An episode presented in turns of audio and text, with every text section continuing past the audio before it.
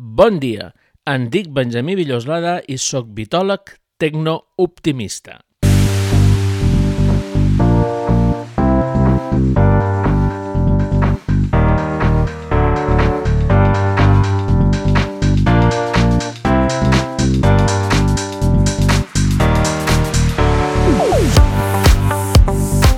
Benvinguts en el 14è capítol de la segona temporada que varen gravar el dia 8 de desembre de l'any 2020. Que sí, era festiu, però plovia. I què millor que agafar una tarda festiva i dedicar-la a gravar un podcast a casa, ben calentó. Eh, moltes gràcies per escoltar-nos. Aquesta vegada també tenim convidat, i és en Jordi Ramot, el fundador de Wikiloc. Vos sona?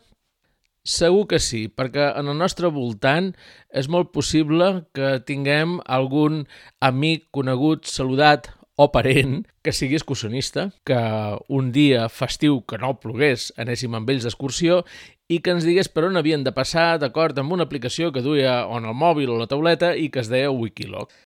És el que té viure a un país d'excursionistes. I per això Jordi Ramot, que és de Girona, va presentar ja fa 15 anys la seva visió de convertir en software tot allò que pugui ser software. En aquest cas, les excursions. Bé, excursions. Ara això m'ha sonat una mica antic. Normalment són paraules que acaben en bing, com ara trekking. Crec que l'experiència del Jordi us interessarà a tots els que estigueu pensant en convertir coses en software o bé que ho hagueu provat en el passat, no hagi funcionat, o també amb els que us ha funcionat per veure quines coses podeu aprendre de la seva experiència, perquè el Jordi té una qualitat i que és, és inspirador. Té una visió molt interessant i la veureu al llarg de la xerrada, perquè més que una entrevista és una conversa. Mentre editava l'àudio he pres nota d'algunes coses que criden l'atenció quan els sents. N'hi ha moltíssimes, així que no sé si les que diré són les que us semblaran a vosaltres més importants o no. Però per mi és essencial la seva visió de la importància que tenen les comunitats. També la importància que té la qualitat del software i del servei que donis a la comunitat. Fins i tot en algun moment no li agrada dir-los usuaris. Ell sempre pensa en comunitat, en clients.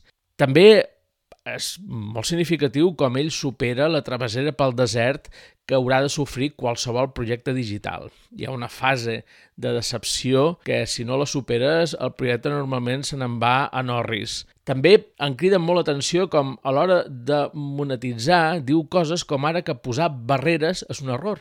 Posar barreres, per exemple, és el que estem veient que estan fent ara tots els diaris. I és un error, i ell raona per què. També parlem de programari lliure, de dades obertes, uh, moltes coses. Moltes coses que s'allarguen gairebé dues hores una altra vegada, però he après també d'aquest podcast que vosaltres aneu fent les vostres dosi i, clar, és el que tenen les aplicacions. Feu una pausa, se n'en recorden d'allà on vareu quedar i després podeu continuar. Així que, de nou, encara que en repeteixi, moltes gràcies per escoltar-nos. Bon dia, estic content de que estigui amb nosaltres en Jordi Ramot, el fundador de Wikiloc. Moltes gràcies per haver dit que sí en aquesta trobada de podcast pels oients, però per nosaltres eh, són trobades amb, amb Skype, perquè l'Skype té una funció de gravació i sí, també tenim el vídeo per record, però serà per, per nosaltres només. El que fem després és estreure l'àudio i publicar només l'àudio pel podcast. Gràcies, Jordi. Bé, moltes gràcies, Benjamí, per convidar-me i molt content d'estar de, a punt d'aquí de començar una conversa tots plegats. Sí, el motiu és que sovint dic que tot allò que pugui ser software serà software i és molt fàcil dir-ho. Però a l'hora de posar-ho en marxa, a l'hora d'aconseguir-ho, a més a més, que, la, que, el, que el producte derivat en forma de software sigui consistent i, i triomfi, hi ha una feinada. Llavors, el Jordi Ramot és dels que hi està, hi està la cosa. De fet, es podria dir que ha triomfat perquè Wikiloc, primer direm que és per si hi ha algú que encara no l'ha fet servir, no se l'ha trobat amb alguna cerca, perquè és una manera que, no sé, Google vos tracta molt bé i ràpidament trobes eh, els vostres, les vostres coses que feis a, a internet, les trobeu ràpidament a Google i és fàcil que te'l trobis, però potser hi ha algú que no. Doncs què feis a Wikiloc? Bé, Wikiloc és, eh, abans que res, és eh, una comunitat de, de persones de tot el món que mm, ens hem, diguem, organitzat així al voltant d'itineraris i rutes de, l'aire lliure, de rutes de bicicleta, rutes de caminar, rutes de, de muntanya, de molt tipus d'activitats.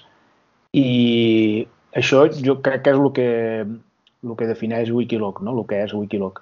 Llavors nosaltres, eh, per nosaltres me refereixo a l'equip que estem a darrere, doncs som els que fem una mica les eines i facilitem una mica que, que tota aquesta comunitat doncs, eh, pugui, pugui fer totes les seves, les seves coses que fan amb, amb Wikiloc i que puguin buscar rutes, puguin gravar-los, puguin seguir rutes per bosc sense perdre's bàsicament és això, jo ho definiria com una comunitat.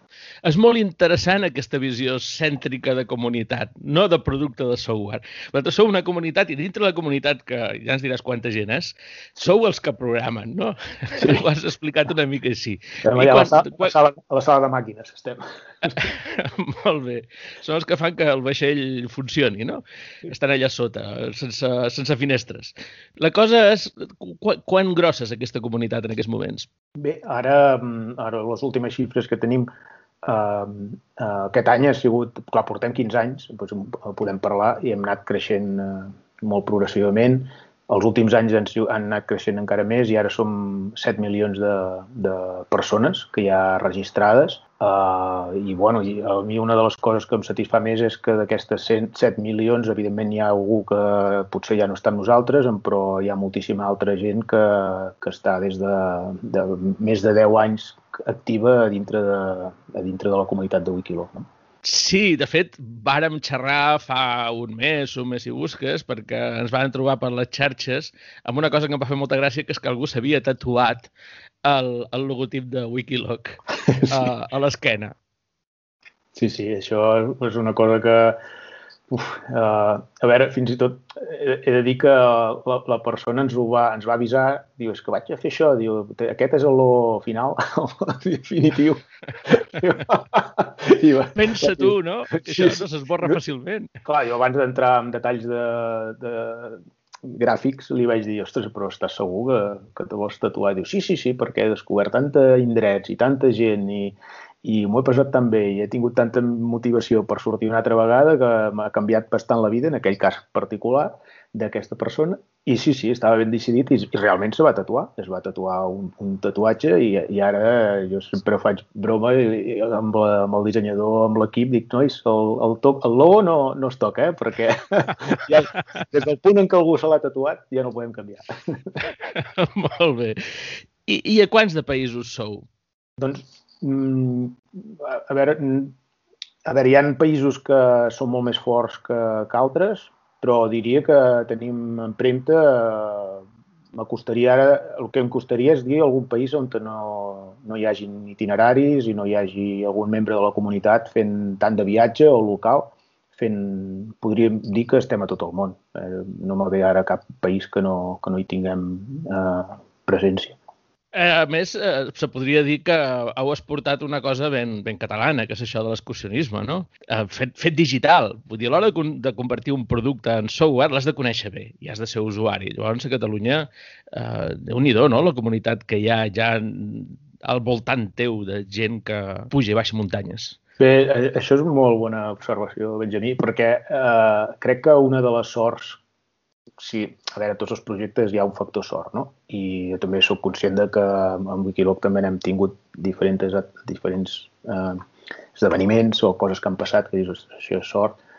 Eh, I crec que haver nascut a Catalunya, on, com tu bé dius, doncs hi ha una tradició de, de natura, de muntanya, d'alpinisme, de, de ser pioners amb aquest tipus d'activitats, i també som tenim, som una, una cultura molt viatgera, doncs ens ha ajudat de que, clar, els catalans que havien eh, allà el 2006, que és quan va començar el projecte, doncs mm -hmm. al principi tota la comunitat catalana, doncs veus que van viatjant i de cop et surten algunes, algunes empremtes, alguns itineraris compartits a Islàndia, o al Japó, o a Llatinoamèrica, i a vegades era per doncs, gent d'aquí que havia anat a viatjar, de viatge en allà i, i, i allò és una manera d'estendre doncs, el missatge, no? d'evangelitzar-ho en altres països i això va, va ajudar molt al principi. Sí. Si puges, si baixes muntanyes a qualsevol lloc del món i trobes algú que xerra català, ho sents sí, sí, allà al darrere sí. dels arbres o darrere d'alguna roca, dius, mira, però allà hi ha algú que és de Barcelona, fins i tot pots identificar a vegades l'accent. Eh, bé, a les illes també, eh? ens agrada el tema. De fet, a Lloseta, que és el lloc on visc ara, eh, tenim la fàbrica de sabates Bastard. Ah, que, sí Sí, és la nostra aportació eh, pràctica. En el, tu, tu poses el, el software i, i nosaltres des de Lloseta posem el hardware de la part baixa, diguéssim, dels peus. Eh, quants treballeu a Wikiloc en aquests moments? Ara som 15 persones i estem justament eh, eh, cercant d'incorporar una persona d'iOS, una persona d'Android, eh, una persona de, de Wix, una i, una, una, i una persona de més de sistemes, de, de SRE. O sigui, pot ser que arribem als 19 o 20 en els propers mesos. Ens hem situat. Ja tenim el, el marc, l'entorn, el context, que és una empresa, que és una comunitat, que té uns 7 milions d'usuaris, que sou gairebé a tot el món, vull dir, s'ha democratitzat i que arribareu a ser unes 20 persones, que segur que sí, en pocs mesos i a més a més esteu creixent amb quatre persones més en temps de crisi. I mhm. aquesta és una altra cosa força interessant i a més a més també segurament amb, amb el pols de la, amb la Covid i el pols que vosaltres podeu portar les coses eh, us heu adonat que la, la gent necessitava sortir en el moment en què s'ha deixat fer. Eh, fins i mhm. tot s'han hagut de fer anuncis dient ei, no aneu tant a les muntanyes perquè les esteu col·lapsant. Sí, cert, cert, cert. Eh, a veure, amb això realment aquest any ha sigut, jo crec que, bueno, per tot, evidentment no el recordarem, jo crec, tothom. eh, en el nostre cas, doncs, ha sigut una mica de... hi ha hagut alts i baixos i si una cosa podem afirmar des de Wikiloc és que el març eh, i abril, quan hi havia el toc de queda, diguem, eh, i de no sortir i no fer activitat, la gent ho va respectar. Això, almenys, en la zona que nosaltres coneixem de, bueno, tot el, del país i tal, ostres, era les gràfiques, fins i tot pensàvem que hi havia algun error en el software de, de mètriques, de servidors, i però és que això no, no, no, no pot ser que no hi hagi activitat en aquí. I ens va, realment era una mica preocupant, però bueno, era comprensible i era un indicador de que la gent feia el que les autoritats i el que, bueno, les autoritats, no les autoritats, sinó del sentit comú, et demanava que fes. Uh -huh. Estar, estar de casa, vaja.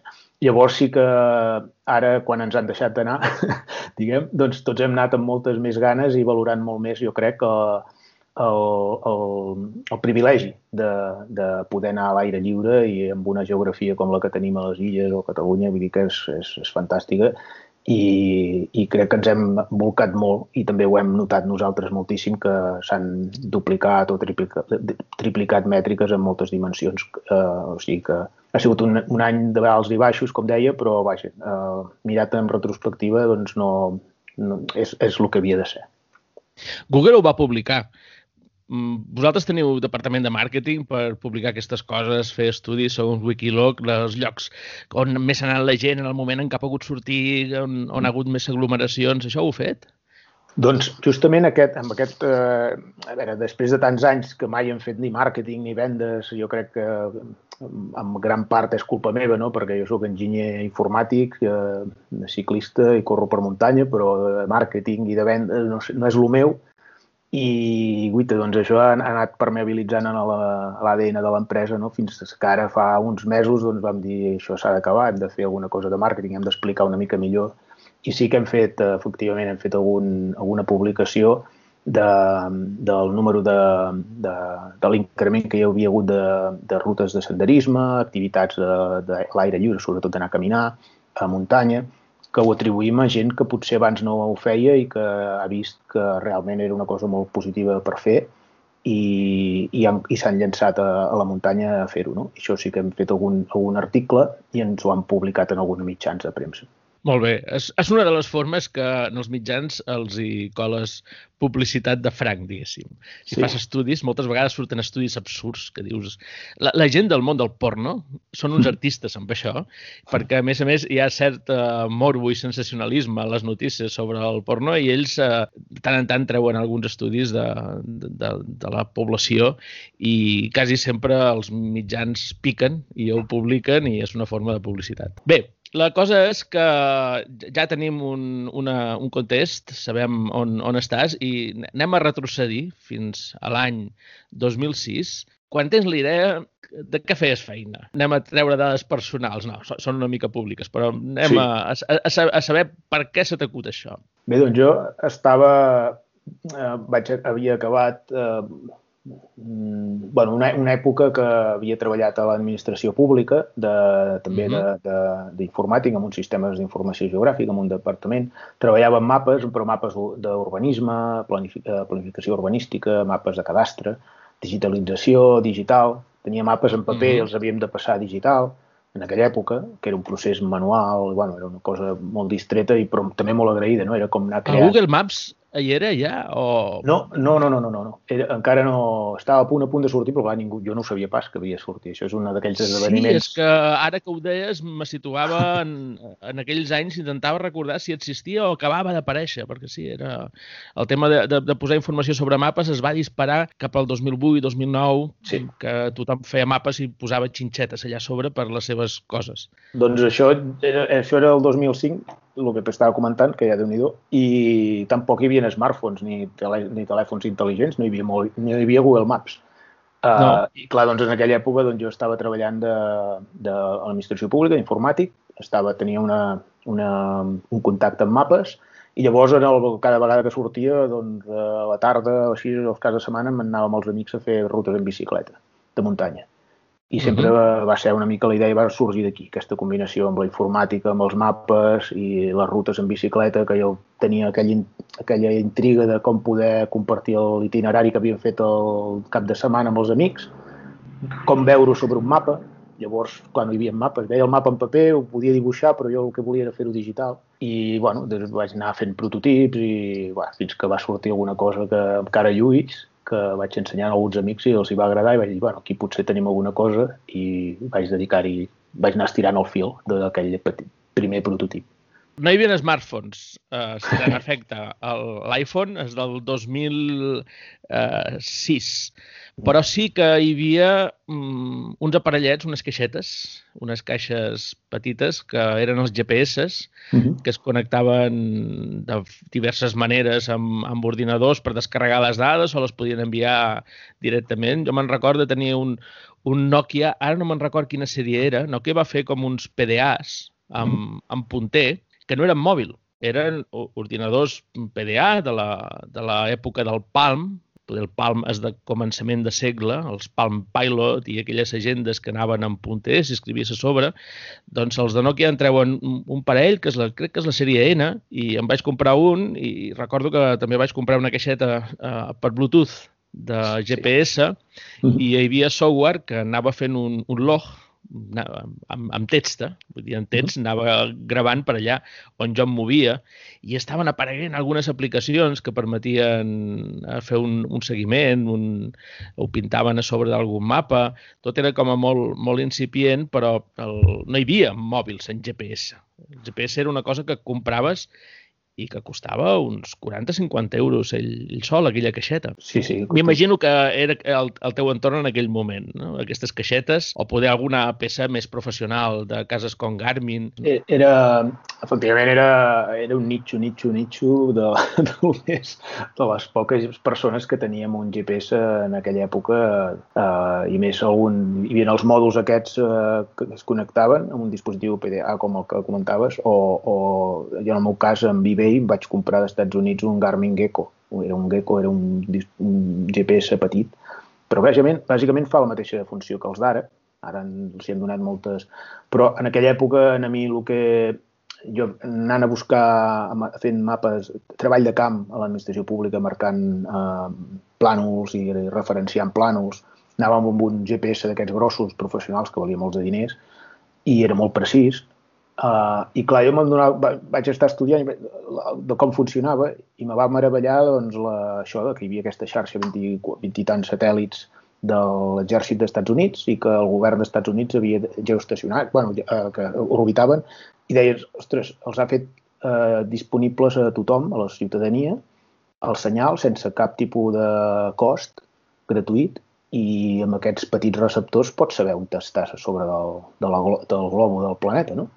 Clar, això és una tecnologia que la donem per feta, per garantida, però a darrere, a mi encara, encara a dia d'avui trobo que, és, que ens cobren per tot, per accés a dades, per accés a no sé què, no accés a no sé...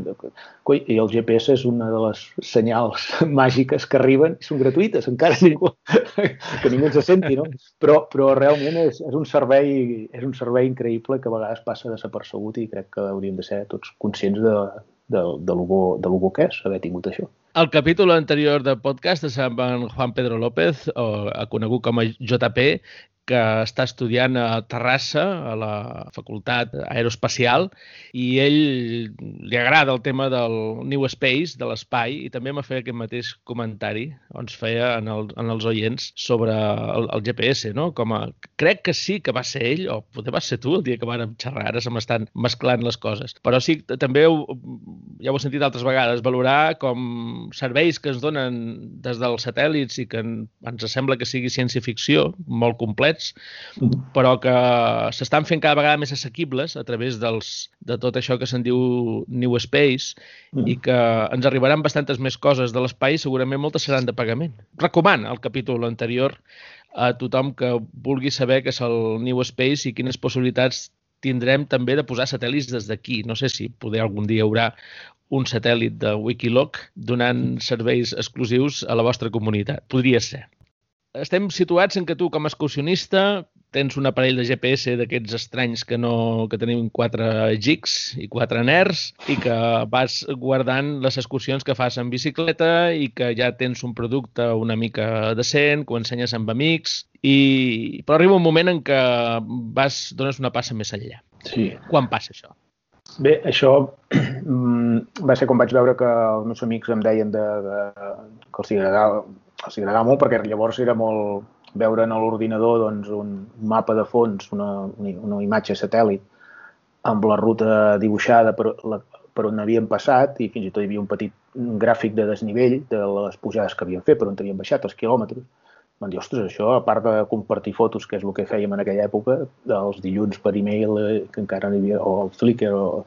doncs, clar, vam dir, eh, un, algun em va dir, crea'ns un perfil, un login i que pugui tenir el meu espai, el meu perfil per poder posar els meus uh, itineraris. Uh, I allà és on vaig començar a fer aquesta mica de pàgina web a sobre d'aquest uh, algoritme, d'aquest algoritme, d'aquest script i aquesta, aquest programa que havia fet per poder per poder pujar el GPS i posar-ho sobre d'un mapa. I, I vaig començar a animar-me a fer això. Llavors, això ho tenia, clar, demanava mm, accés a dades de l'Institut eh, de Cartogràfic de Catalunya, clar, són dades digitals que has de demanar eh, permís per, per, per fer-ho servir i de, amb aquestes que mentre jo anava programant van passant les setmanes, setmanes i surt, eh, de cop surt Google Maps eh, amb un API que et permetia eh, tot el que jo havia fet bueno, vaig haver de llançar feliçment eh, mils, milers de línies de codi perquè tot el que havia fet manualment, artesanalment, doncs llavors amb, eh, Google et donava una, una, una API, un una, un sistema de, de poder programar i dibuixar elements a sobre d'aquest dels seus mapes i a més era de tot el món gratuït. Llavors, podies posar un itinerari a qualsevol lloc del món referenciat. Clar, això va ser, el, bueno, va ser el punt que vaig dir, vale, doncs ara sí que ho faré, ho intentaré fer-ho més ben fet i per tothom. Veus que pots exportar el producte, no? Sí. Uh, que ja uh, pots tenir clients de l'altra punta de món i si fas, uh, si obres la teva web i la fas disponible, ja la tenies preparada per usuaris Ja no, no només era per ús propi, que era la primera cosa, en el moment en què els amics te demanen que hi hagi, també el puguin utilitzar, clar, ja, ja tens el concepte de diferents comptes, que això és, és un pas important per una aplicació, que pugui haver uh, usuari i contrasenya. Sempre mm. dic que un producte uh, deixa de ser innovació o ja existeix o ja comença a ser madur en el moment en què pots obrir un usuari i una contrasenya. Tots els productes, uh, la fase anterior, la, de, la, la dura de fer-se internament amb quatre, aguantant-ho tot en quatre pals, no hi ha usuaris ni contrasenyes. En el moment en què poses això ja és que tens una aspiració a més. Mm -hmm. Bé, llavors eh, pots, ja, ten, ja tens els usuaris i ara ja tens mapes de tot el món, ho pots exportar. Llavors, d'on és el primer client? Bé, el, de, els, però el primer Uh, justament uh, anàvem amb... bueno, això ja és una mica de, entrant en la vessant tec, tècnica, però era, tenia una base de dades uh, darrere. Bueno, sempre hi ha hagut una base de dades, que ho puc dir, que feliçment fem servir post, uh, Postgres. Uh, doncs ja, Bona ja... decisió, eh? també, començar amb Postgres ja és que apunta salt, allò ja el producte podrà tenir molta volada. Això, aquest comentari és per tècnics. Després de 15 anys, eh, Benjamí, 15 anys amb la mateixa base de dades, ara d'acord que hi ha, un, hi ha un, tot una, en òrbita hi ha tot un, eh, un, una constel·lació de, de serveis i de base de dades no SQL que ho complementen i tal, però els nucli, nucli, nucli, el que volem que allò quedi segur i tal, ho tenim en Postgres, després de 15 anys, mil batalles han passat i mai hem perdut res, o sigui que toco, també toco fusta. Ah, és un producte de software llibre fantàstic, meravellós. Per algú que tingui aspiracions a fer productes potents, que comenci amb Postgres, no se n'apenedirà mai. Sí, ja. Doncs... Um... Bé, hi ha un altre món, eh, que és el de l'administració pública i de més, que l'he viscut, i els dius, per què no utilitzem Postgres?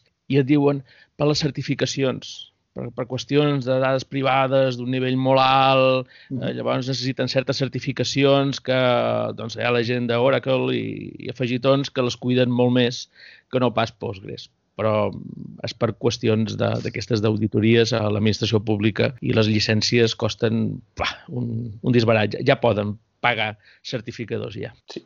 Bé, continuem. Continuem amb el primer client.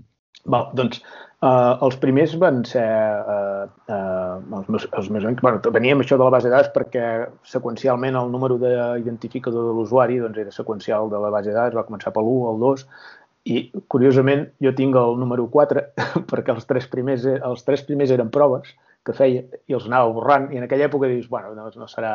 I ara no hi ha l'usuari 1, perquè era un usuari de proves d'aquell al principi, quan tu dius, com, com deies, que s'estava aguantant tot en pals, doncs algun pal d'aquests el, vas, el treies, el cremaves i, bueno, va, continuem. I bé, la meva companya, eh, la Montse, és l'usuari número 2, l'1 no, no hi és, és una prova, i jo sóc l'usuari 4, diguem, vam ser la primera, la meva xicota va ser, diguem, el primer usuari, Uh, I llavors, a veure, a veure, ho vam anunciar... Ens queda saber qui és el 3. el 3 m'has matat. Diria, ho puc buscar, puc, és igual. Ho, ho, deixem, ho deixem per, pel postprograma a les xarxes socials. Vinga, estem amb el 4, que ens tens el 4. No hi és, no hi és. El 3 no, no, no hi és, també era un d'aquests de proves. El 2 i el 4, però bé, ara, disculpa, la, la, la, això era la referència. No, no, eh, això és divertit, digues. però, però llavors eh, vam, eh, vam tenir molta sort perquè eh, eh, Bé, en aquella època em vaig presentar amb un, cur, amb un concurs de Google, de que feia de Google per fer mashups, amb, com que ells volien també eh, que els desenvolupadors fessin servir l'API la, de Google Maps, doncs van fer un concurs de Google Maps per veure qui, un, pel millor mashup. Era un premi al millor, millor mashup, que el mashup era bàsicament agafar fons de dades de diferents eh, eh, llocs o, o, o, o crear dades com el cas de Wikiloc, que eren eh, creades per la pròpia comunitat, que era molt poc per llavors, era, portava uns mesos de vida, i posar-ho sobre, el, sobre Google Maps. Uh, sorpresa, clar, jo en aquella època doncs, vaig dir, bueno, me presento, no? Clar, jo vaig, vaig agafar la... Tenia tantes ganes i tanta... vaig patir tant abans de que hi hagués Google Maps que tot el que vaig, havia fet abans ho vaig volcar tot a Google, a Google Maps i vaig exprimir tot el que donava l'API, tot el tipus de, de, de, de modals que sortien, geometries, punts... Ah, per tu va ser una festa. Oh, va ser una festa. Va ser, és que vaig dir, mare, tot funciona, tot funciona, que fàcil. Tu, que, amb, amb tres línies de codi, el que abans en tenia 500. Oh, que perfecte, perfecte. I total, que la sorpresa meva, doncs, que vaig guanyar, no? Bueno, Wikiloc va, va resultar premiat com el primer premi d'aquest concurs, que el premi era un, un viatge allà a Googleplex, a San Francisco, que també me va anar bé per conèixer la gent de Google Maps i de Google Earth, que, que encara dia d'avui mantenim contacte amb els que encara queden per allà. I això, la, el ressò va anar molt bé perquè Google Maps eh, va, contact, va contactar amb premsa, jo evidentment en aquella època no ni idea de tot això, i va sortir al país, va sortir en alguna televisió, va sortir llavors a eh, premsa local, doncs també van crear articles. I ostres, això ens va donar una exposició des, desmesurada. En aquella època, per mi, va ser una cosa sortir al diari. Tu imagina quanta, quantíssima gent, no? Sempre allà mirant els servidors, que tota la memòria, que no se saturessin les coses. Mare de Déu. Doncs això va ser una mica el que ens va donar eh, visibilitat a tota la, la península, a tota la zona d'Espanya. De, de, i aquí és on, va, on crec que va començar a mica en mica a créixer el projecte. O sigui, que vas veure que això podia ser gros. Sí, eh, vaig veure... Llavors, no, no era conscient de, de, de, dels números, per exemple, que hem arribat ara, no sé el que ens queda per davant, tant de bo que puguem continuar eh, creixent com ara, però en aquella època era, era, era eh, no sé, era com dir, vaig començar a veure la responsabilitat que tenia de tirar allò endavant, perquè cada cop veia que hi havia més gent que la feia servir, que hi posava fotografies, hi posava el seu àlbum de, de rutes, la serietat, vaig agafar molt, molta serietat amb que les dades fossin, estiguessin protegides, que no es perdessin, còpies de seguretat, coses bàsiques que només les veus quan estàs allà, diguem, com dèiem al principi, a la sala de màquines, i saps que allò ha d'estar bé, perquè al barco a dalt estàs mirant el paisatge i, i, i estàs gaudint del viatge, però, ostres, no, ni s'ha d'esfonsar, ni s'ha de parar, ni... Doncs, doncs aquí és on me vaig posar-hi cada cop més, més seriosament en el projecte. Aquest instint que expliques està molt bé perquè els usuaris normalment no es queixaran si falten prestacions i, com tu bé dius, era una comunitat, segurament els escoltaves quan te deien que s'havia d'afegir una prestació nova, però el que sí que ho dien és que falli, que hi hagi errors i que hi hagi eh, pèrdues de dades, sí. I això mm, normalment no, no ho perdonen, per això utilitzava la, la paraula odiar, que potser és una mica exagerada, però és per fer una idea de que és que se'n van i no tornen. Si, si hi ha errors i hi ha pèrdues de dades importants. Es, eh, això ho tenies ja l'instint que no podia passar. I és molt important en qualsevol projecte de software. Més val que treguis poques coses i que funcionin i que no fallin, mm -hmm. que no pas moltes funcionalitats i que la meitat estiguin allò penjant d'un fil. Sí, jo totalment d'acord. Jo, jo m'incloc, eh? Parlàvem així amb terceres persones, però jo, jo, jo m'incloc a, a veure com, quan jo evidentment sóc usuari de molts productes digitals i tinc unes expectatives també. I eh, tot i que puc empatitzar amb l'equip que hi ha darrere, perquè nosaltres també ens hi hem trobat molt, molt a primera línia de foc amb tot això, però sí que, no sé, si tinc alguna faig servir Apple Music o faig servir Spotify o, i me desapareixen les llistes o, o comencessin a perdre cançons, doncs és una mala experiència i és totalment comprensible que la gent doncs, no, no perdoni gaire amb això. No? Jo crec que és una responsabilitat de, de fer les coses bé. Uh mhm. -huh. Hem arribat a un client eh, important que ja és allò Google, que te posa davant del, del coneixement públic, vull dir, et fa popular, fa, fa que sàpiga molta gent que això existeix, però abans d'això voldria rebobinar una mica perquè hi ha una història d'un japonès que m'agradaria que l'expliquessis. Ah, val, molt, molt bé, sí, sí, sí, sí, que és veritat això. Clar, Aquesta uh, és, uh, possiblement és el que hi ha després dels teus amics, o sigui, l'usuari, sí. aquell usuari 4 que ets tu i després segurament haurien els teus amics i a continuació sí, sí. hi ha un dia que te'n vas a dormir quan t'aixeques Sí, sí, això va ser justament quan eh, eh, vaig posar-ho online perquè ho tenia eh, sota, una, sota un, una pàgina protegida, si no era accessible per tothom i només li havia donat accés als meus tres o quatre amics, no? i que anàvem en, en bicicleta per anar fent les proves i tal. Llavors, el dia que ho vaig fer-ho oficialment obert, que ja tenia el login, ja havia testejat tot, ja tenia un mínim de... Eh, estava tot decent com a mi en aquella època m'agradava tenir les coses, dic, vale, això ja, ja, ja és presentable. Uh, clar, uh, ho vaig obrir, però evidentment ningú, no hi, no hi havia SEO, no hi havia Google, encara no sabia ni qui, ni qui era, però l'acabava d'obrir vaig pensar, bueno, com ho faig això per explicar-ho una mica? I vaig anar amb, un, amb una llista de distribució un, una, de, de Rediris, que era de GPS, de gent que parlava de coses de GPS, hi havia de tot tipus. Però vaig pensar, bueno, doncs aquesta gent en sabran, perquè clar, insisti, insisteixo, no hi havia, eh, Google Maps acaba de sortir i l'smartphone encara no hi era. O sigui, havies de tenir un aparell d'aquells GPS de geeks, com deies tu, doncs, doncs vaig dir, vaig a una sí, llista... Sí, ara, en què vas amb una llista de gent que no els hauràs d'explicar què és això del GPS, no? No has de començar a anar avall. És allò que, com a mínim, no sé, gent que, que jugui a futbol però que sàpiga que és una pilota, no? Que no els Sí. sí. d'explicar. Doncs això vaig fer-ho, vaig dir, mira, era en castellà, i vaig dir, mira, aquí tenéis esta, esta página nueva, es to- totalment obert, es eh, gratuito, eh, si queréis probarlo, a ver qué os parece, si, si teniu, tenéis feedback, cosas que, doncs aquí eh, bueno, està disponible per tothom, no? I això ho vaig posar-ho el dia del meu aniversari, me'n recordo sempre, i el 2006, l'abril, i llavors eh, eh, vaig anar-me'n a dormir i l'endemà al matí m'aixeco i hi havia, no sé, és que no, ja no me'n recordo, però crec que uns, uns quants centenars d'itineraris per tota la, la península. Eh, hi havia, no sé si hi havia 120 o 130 persones registrades, que per mi jo vaig dir, mare de Déu, quantíssima gent. I justament vaig veure, tirant així el mapa del món, amb el Google Maps, anaves tirant enrere de com veig allà, allà al Japó un, un, una icona d'una ruta i vaig anar cap allà fent zoom, zoom, zoom, acostant-me i dic, ostres, una, una ruta al Japó. Tu. I hi havia una persona que era japonès i va posar tota la, la descripció de la ruta en japonès i no sé, vaig intentar contactar amb aquesta persona, però no, no bueno, per coses, aquelles coses no, no, no vaig en sortir-me'n. Però sempre m'ha quedat el dubte de si ho va descobrir de forma orgànica, per alguna serendipitat d'aquestes de la vida, o si estava en la llista de distribució de GPS o si tenia una mica en allà, no sé.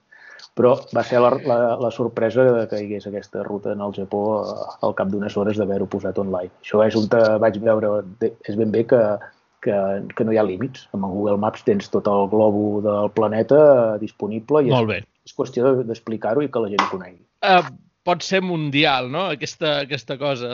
L'altra punta del planeta ja l'estan utilitzant. O algú que havia viatjat i que amb el GPS i que s'havien portat cap a, cap a el seu, la seva base de dades, aquells moviments, i va dir, eh, vaig a provar-ho, vaig a penjar-ho, a veure si també funciona amb el Japó. Podria, podria ser algú espanyol d'aquella eh, llista de distribució de Rediris, que va ser un, un lloc eh, de comunitats, Rediris. Eh, ara les comunitats estan al voltant de les xarxes socials, però en aquella època era important estar on hi havia la gent i les comunitats en aquell moment estaven en llistes de distribució per correu electrònic. Vull dir, tu enviaves un correu electrònic amb una adreça i ho rebien 200, 300, 400 persones que quan contestaven anaven en aquestes 300, 400 persones, les llistes de distribució, i, i ara això doncs, ha quedat substituït per les xarxes i, i el mateix que se fa en aquell, que se feia en aquell moment a les xarxes de, de distribució de, de correu, ara s'ha de fer les xarxes socials. Perquè el concepte de comunitat és molt important. De fet, jo personalment crec que cap projecte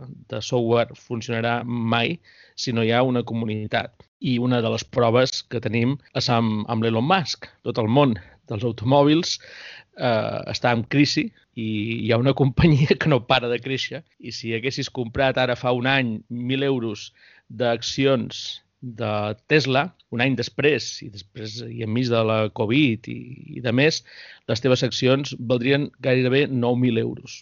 I estem parlant d'això d'un any dolent, en teoria, per, per l'automòbil, que tots tenen problemes. Doncs ell ha pogut multiplicar d'aquesta manera el, el valor de l'empresa, perquè, entre altres coses, té, té comunitat. O sigui, Elon Musk està a les xarxes, eh, conversa amb la gent, l'escolta, i si n'hi ha algú que per Twitter li diu que el seu cotxe té cert problema o que aniria bé que tingués certa funcionalitat, la programen, la posen, i a la funcionalitat li donen el nom de la persona que ho va demanar que aquesta és una anècdota entre moltes del, del senyor Musk, que té aquesta, aquesta manera de, de, de treballar amb xarxa. I algú me preguntava com pot ser que li vagi tan bé un empresari, un, un DBA de, de SADE, em preguntava com, com pot ser que amb ell li vagi bé, tu que ets inquiet amb aquests temes, quina explicació li trobes? I li vaig dir, perquè té comunitat, la comunitat és molt important en el cas de Tesla. I, i em va contestar, home, això no és tan important. Val, sí, pot tenir una influència. Dic, no, no, és, és molt important. Dic, fixa't a partir d'ara. Dos mesos després em deia, diu, m'hi he fixat i crec que tens raó que darrere té la... Encara que els cotxes tinguin problemes, com tots els cotxes, que tinguin els seus problemes, hi ha una comunitat que quan ho troba i que està malament i, i l'atenen i li contesten, eh, la, les coses se van superant i van creixent, creixent, creixent, creixent. Bé, aquesta era l'incís per aquesta cosa que tu també has dit, que per tu l'important i el cèntric totalment és la comunitat. És un altre encert. Quan, en el moment en què estem, és que ja tens projecció, ja se't coneix, ja pots eh, començar a rebre clients de per tot arreu i, i quan passa això, que apareixes en els diaris perquè has guanyat el premi de Google, quanta gent sou treballant a Wikiloc?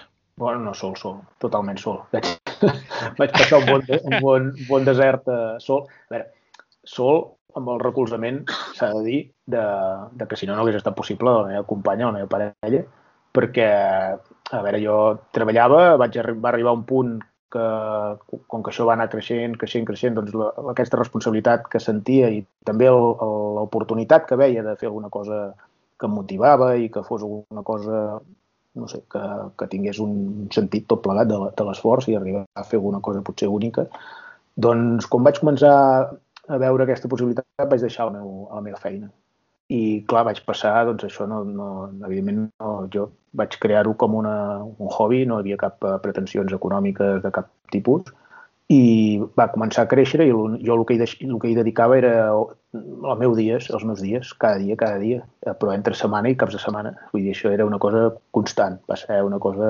bastant feixuga però la motivació hi era, igual que hi és ara, després de tants anys, i que ara m'agrada aixecar-me als matins i pensar, ostres, doncs mira, quines ganes que tinc d'anar a fer tal, tal cosa, no? Doncs allà al principi, doncs igual, i la meva companya doncs, em, va, em va donar a recolzar, i ella tenia un sou, ella és enginyera de, de industrial, treballava al sector d'automoció i vivíem del seu sou.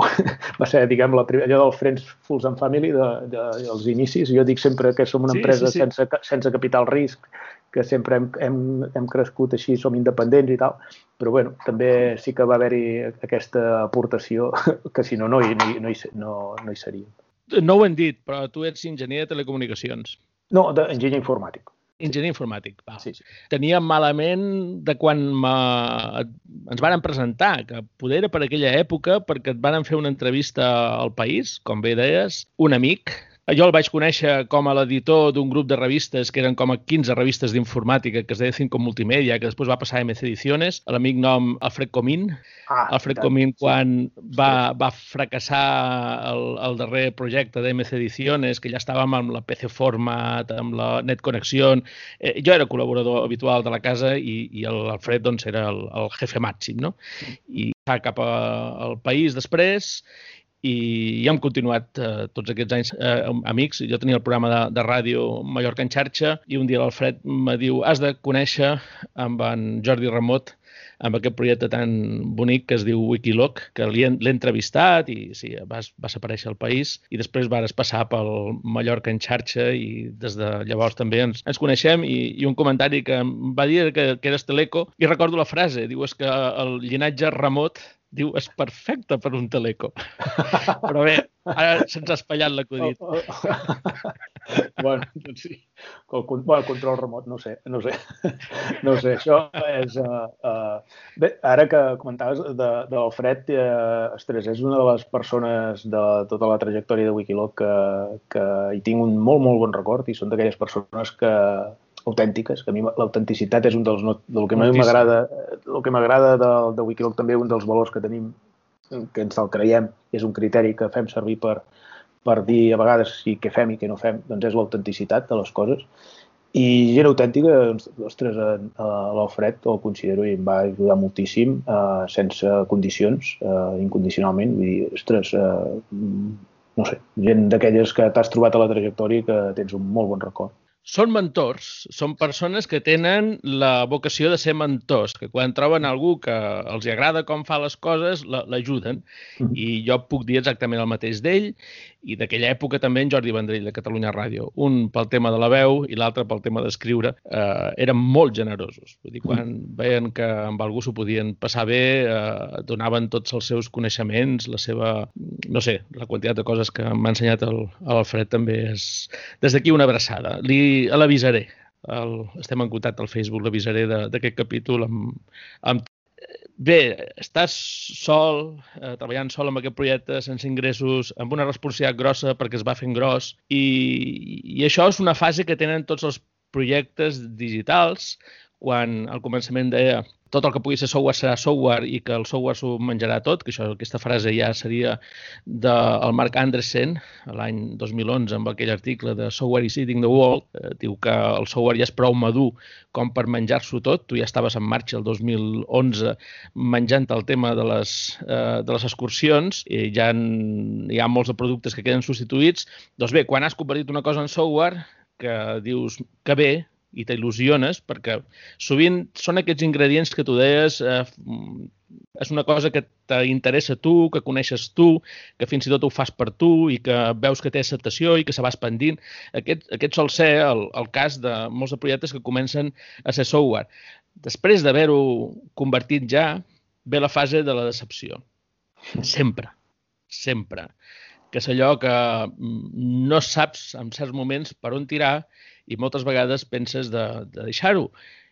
Entreveus que podrà ser molt potent i, en, i penses en deixar-ho. Ara em deies que no tenies no havies tingut capital risc, no havies tingut inversionistes. Però en aquesta fase de decepció hi ha molta gent que diu han de ser més gent, que hi ha d'haver uns ingressos, necessito algú que posi diners i apareixen els que fan inversions i, per exemple, això permet que aquesta fase de decepció en el cas de Tesla, perdó, de Tesla, d'Uber, puguin continuar visquent a pesar de tenir en aquests moments un EBITDA de menys 4,11 bilions, o Amazon, que comença l'any 2000, perdó, 1995 i que fins a l'any 2002 no té beneficis. Gairebé 8 anys pel desert, també. I, i havent de sentir a molta gent dir que això no, de comprar per internet és una, és una bogeria, que no, que no arribarà a funcionar mai.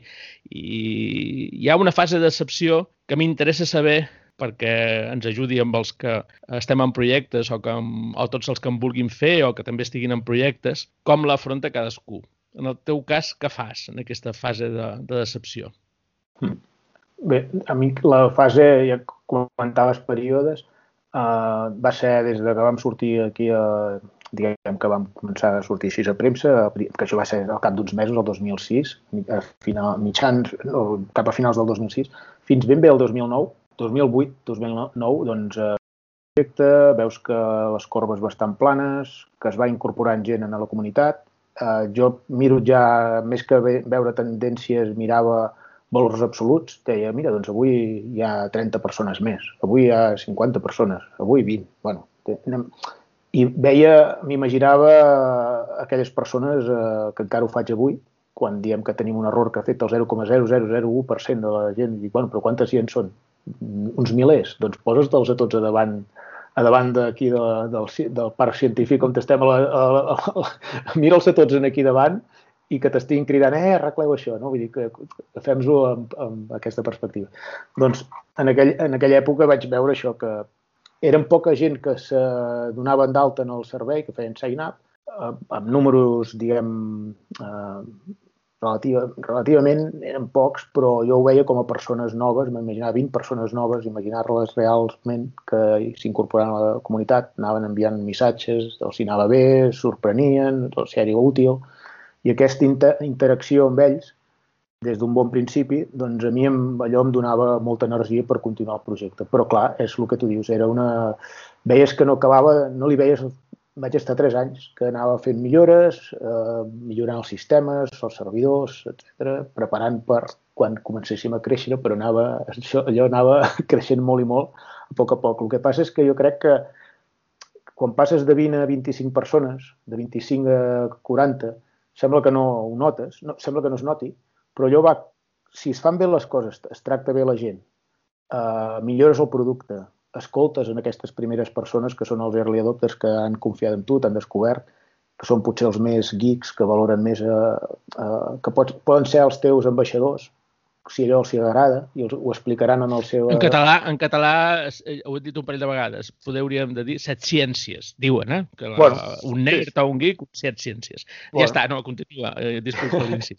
Però vull dir que són molt, són, és molt bo al principi tenir aquest tipus de persones perquè són molt crítics amb el producte, entenen molt de tecnologia, saben veure els punts forts, te'ls diuen, i és una oportunitat molt bona d'arribar a unes converses profundes a nivell tecnològic de què, o, o d'usabilitat o de producte, de què és el que estàs oferint i com ells ho estan veient, no? fent-ho servir des de fora sense tenir cap tipus de vincle amb tu, que és una, allò, te diuen les veritats, perquè a vegades els amics preguntes i per no ofendre te diuen que no, no, ja està bé. No? I, bé, jo sempre els dic, bueno, però digue'm què és el que no t'agrada. Ah, no, bueno, hosti, em sap greu.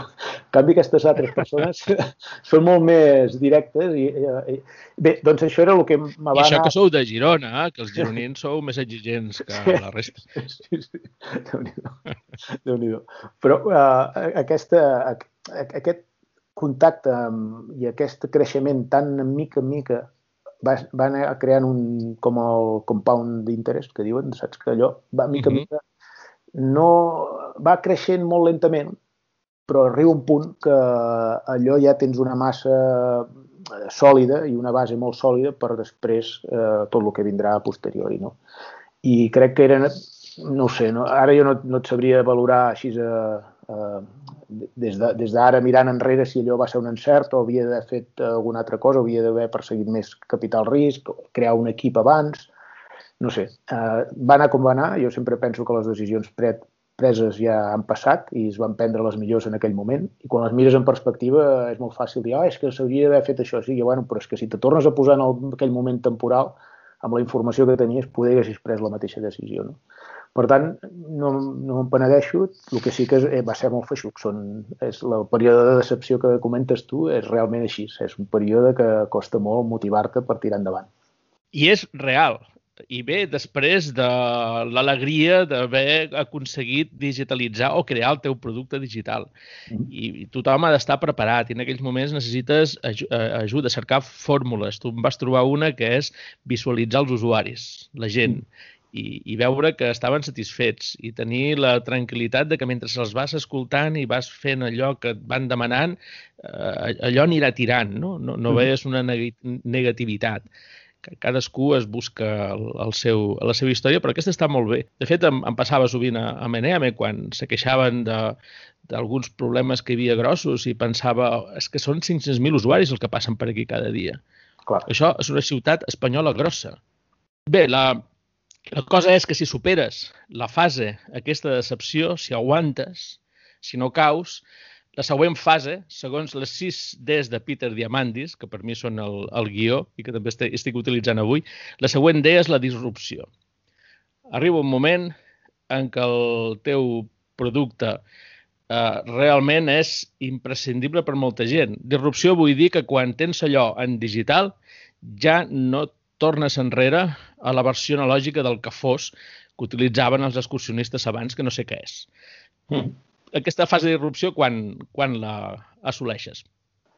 En el, en el cas de, de Wikiloc, crec que quan crec que hi ha un canvi molt, molt important cap a de creixement i que ja no hi ha volta enrere i que ens obre moltíssim, moltíssim al mercat, ens fa, ens fa arribar moltíssima més gent, i des de llavors jo crec que és com quan realment vam arrencar.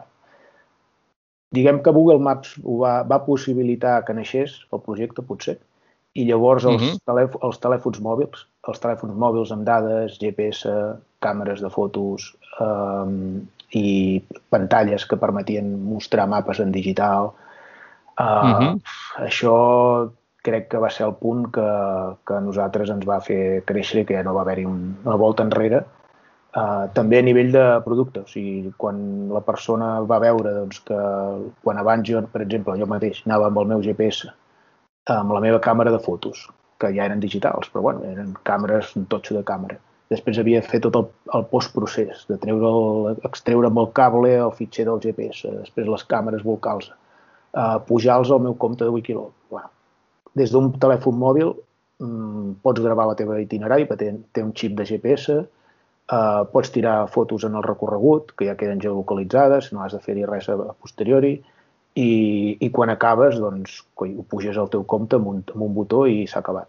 Aquesta conveniència, crec que després ja la gent que ho va provar ja no anava enrere ni amb GPS i molts d'ells jo crec que també mapes en paper, que, que a veure, jo, jo encara en tinc de mapes en paper i algun cop m'agrada amb un refugi posar sobre una taula un mapa en paper i comentar-ho allà amb una llum d'aquelles que quasi no t'hi veus no? I, i veure i fer el plan de demà i veure però realment sí. uh, i deixar una mica les pantalles les pantalles digitals però sí que és més un romanticisme però que d'utilitat eh, va, també no vull parlar ara de, de comparatives d'aquestes, però crec, crec que nosaltres, en el nostre cas, sí que quan van sortir els telèfons mòbils va ser el punt disruptiu. Uh, desmonetitzes en els fabricants de mapes, diguéssim, d'alguna manera, però poder no ho fas tu. Ja ho fa prèviament el Google Maps, sí. el fet de... i el mòbil.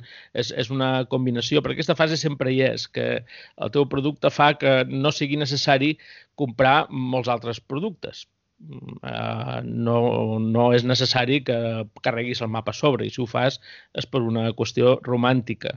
I, i aquesta desmonetització, la gràcia, és trobar tu un, una monetització, no? que sí, la gent no es gasta diners en mapes, però com aconsegueixes que se'ls gasti amb el teu?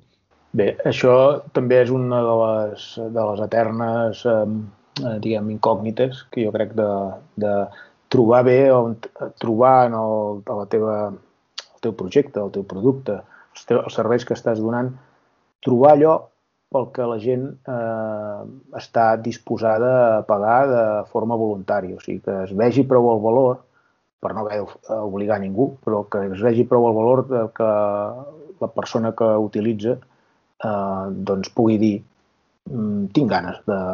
O sigui, tinc ganes. Eh, això més prou valuós com per decidir a pagar. No? Això és una cosa que no te pots imaginar. Ah, doncs mira, posarem una barrera aquí, farem pagar per això, farem pagar per allò altre. Crec que ha de ser una cosa que la gent percebi com, a, com un valor molt clar. En, en el cas de, de Wikiloc, al principi, he de dir que vam caure amb, el, amb la publicitat, perquè era la cosa més, des, per un informàtic com jo, doncs eh, mm, era el més còmode. Posaves unes línies de codi de Google AdSense i tenies automàticament, com que tenies molt de trànsit en, en aquells anys, doncs deies, bueno, doncs hi poso tots anuncis i començo a pagar, almenys no tinc per un sou, però pago servidors i pago amples de banda i dels, que és la, la, la, les factures que implacablement arribaven cada mes, no? Uh, així uh -huh. les puc pagar. Llavors vaig passar a, a donacions, vaig enviar un e-mail a la gent i vaig dir, mireu, si, tu, si, si algú vol donar un cop de mà, uh, benvingut sigui perquè és així. O sigui, jo també sempre havia pensat això de veure com a persones, doncs m'imaginava que si jo fes servir un servei i el, el, fundador o les persones que eren darrere me diguessin, ei, per exemple, en aquella època jo fe, escoltava molt Radio Paradise. Radio Paradise és d'una parella d'allà de, de Califòrnia que estan jubilats i des d'una cabanya de no sé on, música, sense anuncis. I són d'aquests que diuen no us posarem mai anuncis, però coi, ajudeu-nos una mica i així mantindrem una ràdio amb música bona, sense interrupcions i sense parlar i sense anuncis. Doncs i ells ho deien obertament, i a mi això em va tocar i jo era, bueno, durant molts anys vaig estar donant i comprant-los i merchandising, camisetes i tot, perquè vaig pensar, es la pena que aquesta gent continuï. Doncs jo vaig intentar mm -hmm. fer el mhm. mateix, el mateix en Wikiloc. I la resposta molt bona fins que no vam ser ja molt sostenibles amb altres vies d'ingressos, que no vam treure la, la, les donacions, demanar per donacions com fa Wikipedia o altres, no? I això a mi em va, em, era molt gratificant i molt motivador per saber que la, que la gent tingués voluntat, de forma voluntària, digués, us valoro tant que estic disposat a donar-vos doncs, 10 euros o 20 euros, o gent de clubs excursionistes que s'organitzaven entre ells i tots els socis feien una mica de recapte i ens donaven doncs, 100 euros. Que de, de, dius, mare de Déu, ens han donat 100 euros aquesta gent. I encara deies que continueu, que ho feu molt bé, no desapareixeu. No? Ostres, això és un encoratjament enorme, no?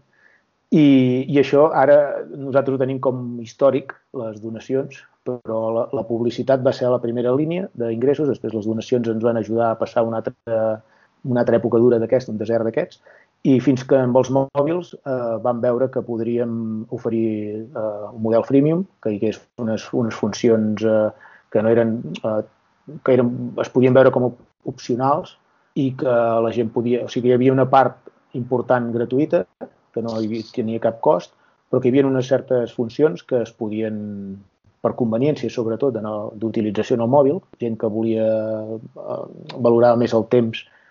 O sigui que el mateix que feien en poc temps pagant, doncs ho podien fer-ho en molt més temps de forma gratuïta, però tot i així deien, ostres, jo valoro el meu temps, doncs pago per fer això.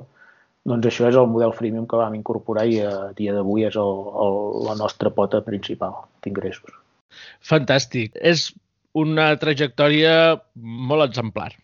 És, és així, te trobo que és, és, molt, és molt autèntica, té molt a veure amb com funcionen les projectes digitals a, les, a la xarxa. Per això, quan vam tenir una conversa tu i jo fa un, un mes i una mica, eh, és d'aquelles coses que també, quan animo a la gent a que faci podcast, tens videoconferències ara, degut a la, a la Covid, a la pandèmia, en comptes de trobades físiques, que tu ets a Girona, jo a Mallorca, difícilment ens haurien trobat, per això dona motiu nos ens expliquem la vida, m'expliques una mica com t'està funcionant a tu i, i jo que estic enfrescat amb aquesta història, no sé si es diu enfrescat en català, no, no, no la paraula frasco no, no hi entra, es, esborrem aquesta part, es, que estic um, ajudant a, a, a empreses o, i a persones amb mentories de, de franc i que veus que hi han molts de projectes que necessiten moltes orientacions en quant a coses que justament has fet tu i que són molt autèntiques. Vull dir, tens comunitat? No, l'has de fer.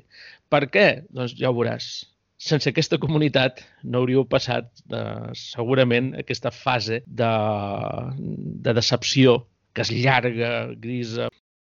Bé, la, la cosa és que la comunitat és molt important, forma part d'aquestes mentories que, de, que, que faig i, i també el, el, el procés que segueixes després per, per aconseguir monetitzar també és molt, molt interessant perquè t'aprofites d'una de les fases que també té qualsevol projecte de, de programari, de convertir coses en programari, que és el, la democratització d'aquelles sis Ds de Peter Diamandis que explicava que la primera és digitalitzar, la segona és decepció, la tercera és disrupció, després ve la desmonetització, després ve la desmaterialització, que és que moltes coses que els mapes aquells que abans tenies en, en paper ara ja eh, estan omnipresents per tot arreu, i la darrera D, la sisena D, és democratització, que quan ho aconsegueixes tens en aquest cas milions, 7 milions d'usuaris, en els quals els hi pots cobrar una petita quantitat en comptes de tenir pocs clients que, per exemple, compressin mapes o llibres d'excursions i que amb ells has de tenir un, un, gran, un gran marge.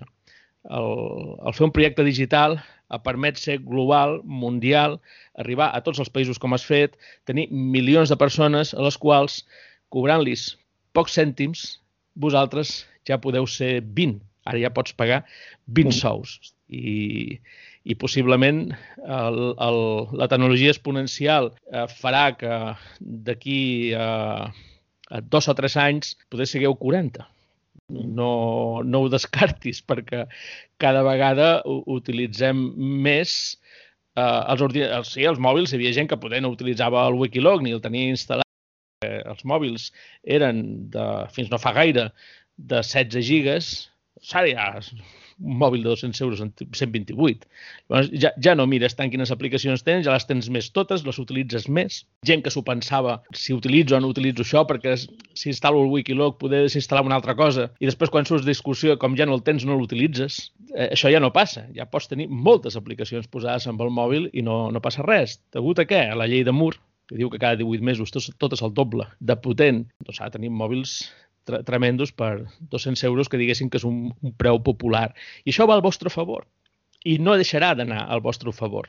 I ja hi esteu posats, ja esteu damunt del, del tren de la tecnologia exponencial, de les organitzacions exponencials, que són milions d'usuaris i cada vegada seran més milions, amb més capacitats, i per això et deia que algun dia hem de veure el, el nanosatèl·lit de Wikiloc donant serveis premium en els, vostres, en els vostres usuaris. Home, aquí, Benjamí, si em permets, has dit una cosa molt interessant, que eh, tota l'evolució tecnològica cada cop és més a l'abast, que cada cop la donem més per feta, es van reemplaçant, eh, reemplaçant o substituint eh, tecnologies o productes o maneres d'utilitzar les eines eh, que es, es van fent obsoletes doncs això també ens pot passar a nosaltres. O sigui, eh, evidentment, no? És, eh, el que comentàvem ara amb mapes en paper, doncs ara des del Wikiloc digital, doncs d'aquí un, un temps, jo crec que la clau és mantenir la, la innovació, que aquesta paraula que se n'abusa una mica, però jo sí me la crec, volem dir, no, no crear tecnologia perquè sí, però sí està molt atent, molt atent a com es molt. pot millorar l'experiència de la gent que ja els estàs donant un servei o uns productes, què és encara on hi ha les friccions, què és les coses, però sempre hi ha oportunitats i si això no ho mirem i ens quedem parats, doncs serem víctimes del mateix que, que acabes de comentar. O sigui, sempre hi ha d'haver-hi aquest punt. L'Elon Musk també, a part de la comunitat que comentàvem i tal, és innegable que és un innovador paradigmàtic i uh, qui, qui aposti a contra d'una persona com ell perdrà, perquè és una persona que innova, innova, innova i eh, per això les accions van com van. És, eh, són uns innovadors amb SpaceX, ara estan a punt. Jo vull ara, de fet, vull mirar ara en aquests moments crec que estan llançant l'Starship, no? Vull dir que dius, ostres, estan fent un test d'aquests. Clar, el que estan fent és innovar. Jo crec que això sí que és important doncs, anar, anar, no, no perdre mai de vista o, o si te pares a la carretera t'atropellen, no? Hi ha molta competència i també ho fan molt bé. O sigui, sempre s'ha d'estar eh, creant, creant no, coses noves. Teniu molta comunitat això dona una seguretat de fons bastant tremenda i una comunitat a la qual ateneu i en la qual cosa hi ha una fidelització. El nivell de qualitat de la vostra comunitat és molt gros. Això fa que si algun dia vas a menys, la caiguda serà més lenta, però hi serà. Eh, perquè apareix en, en el món de les organitzacions i la tecnologia disruptiva, apareix gent, gent nova que no pot ter cap condicionant i que agafa de cop la tecnologia molt potent i que si replanteja el teu projecte d'una altra manera, utilitzant la potència que té ara al màxim, que tu no has utilitzat perquè t'has dormit, eh, et duplica i et, et triplica amb una velocitat molt grossa. Per això, eh, per exemple, a Google, siguent el potent que és, li està costant molt entrar en el món cloud. I Apple possiblement no ho podrà fer mai. I mira que són empreses potents, i mira que tenen gent investigant, doncs haver-se entretingut una mica, un temps amb certa cosa que Amazon, en aquest cas, la, sí que la cuidava, perquè Amazon, el tema del cloud, el va cuidar des, del, des de molt al començament, ha fet que després altres els hi costi molt entrar. I segurament vosaltres heu, heu fet molts de canvis tecnològics. Per exemple, uh, en cert moment el Google Maps és molt car. Què tal està el Open, els Open Maps? Els utilitzeu? Sí, uh, hi ha una, tot una, unes, unes iniciatives i també hi ha dades de governs que són de domini públic uh, darrerament que, que no, no sempre ha estat així. Abans, uh, coi, dades que eren, diguem, creades amb impostos de la ciutadania doncs no estaven una mica tancades, no? Ara mm, és, és, és increïble en positiu doncs, l'obertura que hi ha per empresa privada o iniciatives o emprenedors que puguin eh, utilitzar dades, dades de, de governs. No? Clar, per exemple, nosaltres vam poder crear mapes de, mapes de tot el món, eh, de qualsevol zona del món, que es poden guardar dintre del... Te'ls pots descarregar i guardar-los a dintre del telèfon amb l'app de Wikiloc i uh -huh. encara que posis el, el telèfon en modo avió, perquè, clar, nosaltres, normalment, la gent que, ens, que utilitza, de la comunitat que utilitza Wikiloc està a la muntanya. A vegades no hi ha cobertura, a vegades pateixes per la bateria i vols que duri molta, molta estona i poses el modo, el modo avió, ten, tenques totes les dades del mòbil i llavors la bateria dura molt més, però clar, nosaltres dèiem, i els mapes, si fem mapes de Google no els veuràs perquè no tens dades. I això ho vam resoldre fent mapes que es poden guardar dintre del telèfon prèviament, quan tens wifi te'ls descarregues i després, en mode avió, tens, pots gaudir de mapes eh, sen, sense gastar tanta bateria ni dades. No? Bé, doncs aquests mapes els vam poder crear gràcies a les dades obertes.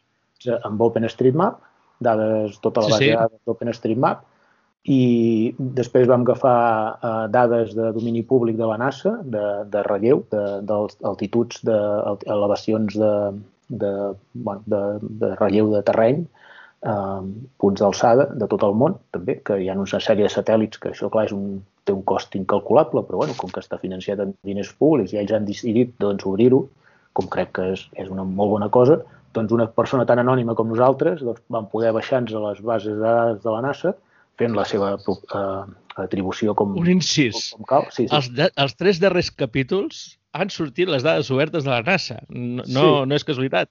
Fa dos capítols enrere el que ens explica en Xavi Rizzi, que ha tornat de la Xina i de més, no ho diu en el programa, poder haurem de repetir, però està fent projectes seus, eh, m'explicava, entre cometes, a micròfon tancat, que estava fent projectes en dades obertes de la NASA. El JP, la setmana anterior, també parlant del, del New Space i de la importància de les organitzacions espacials, eh, xerra de les dades obertes de la NASA. Ara tenim Wikiloc, que també ha utilitzat les dades obertes de la NASA.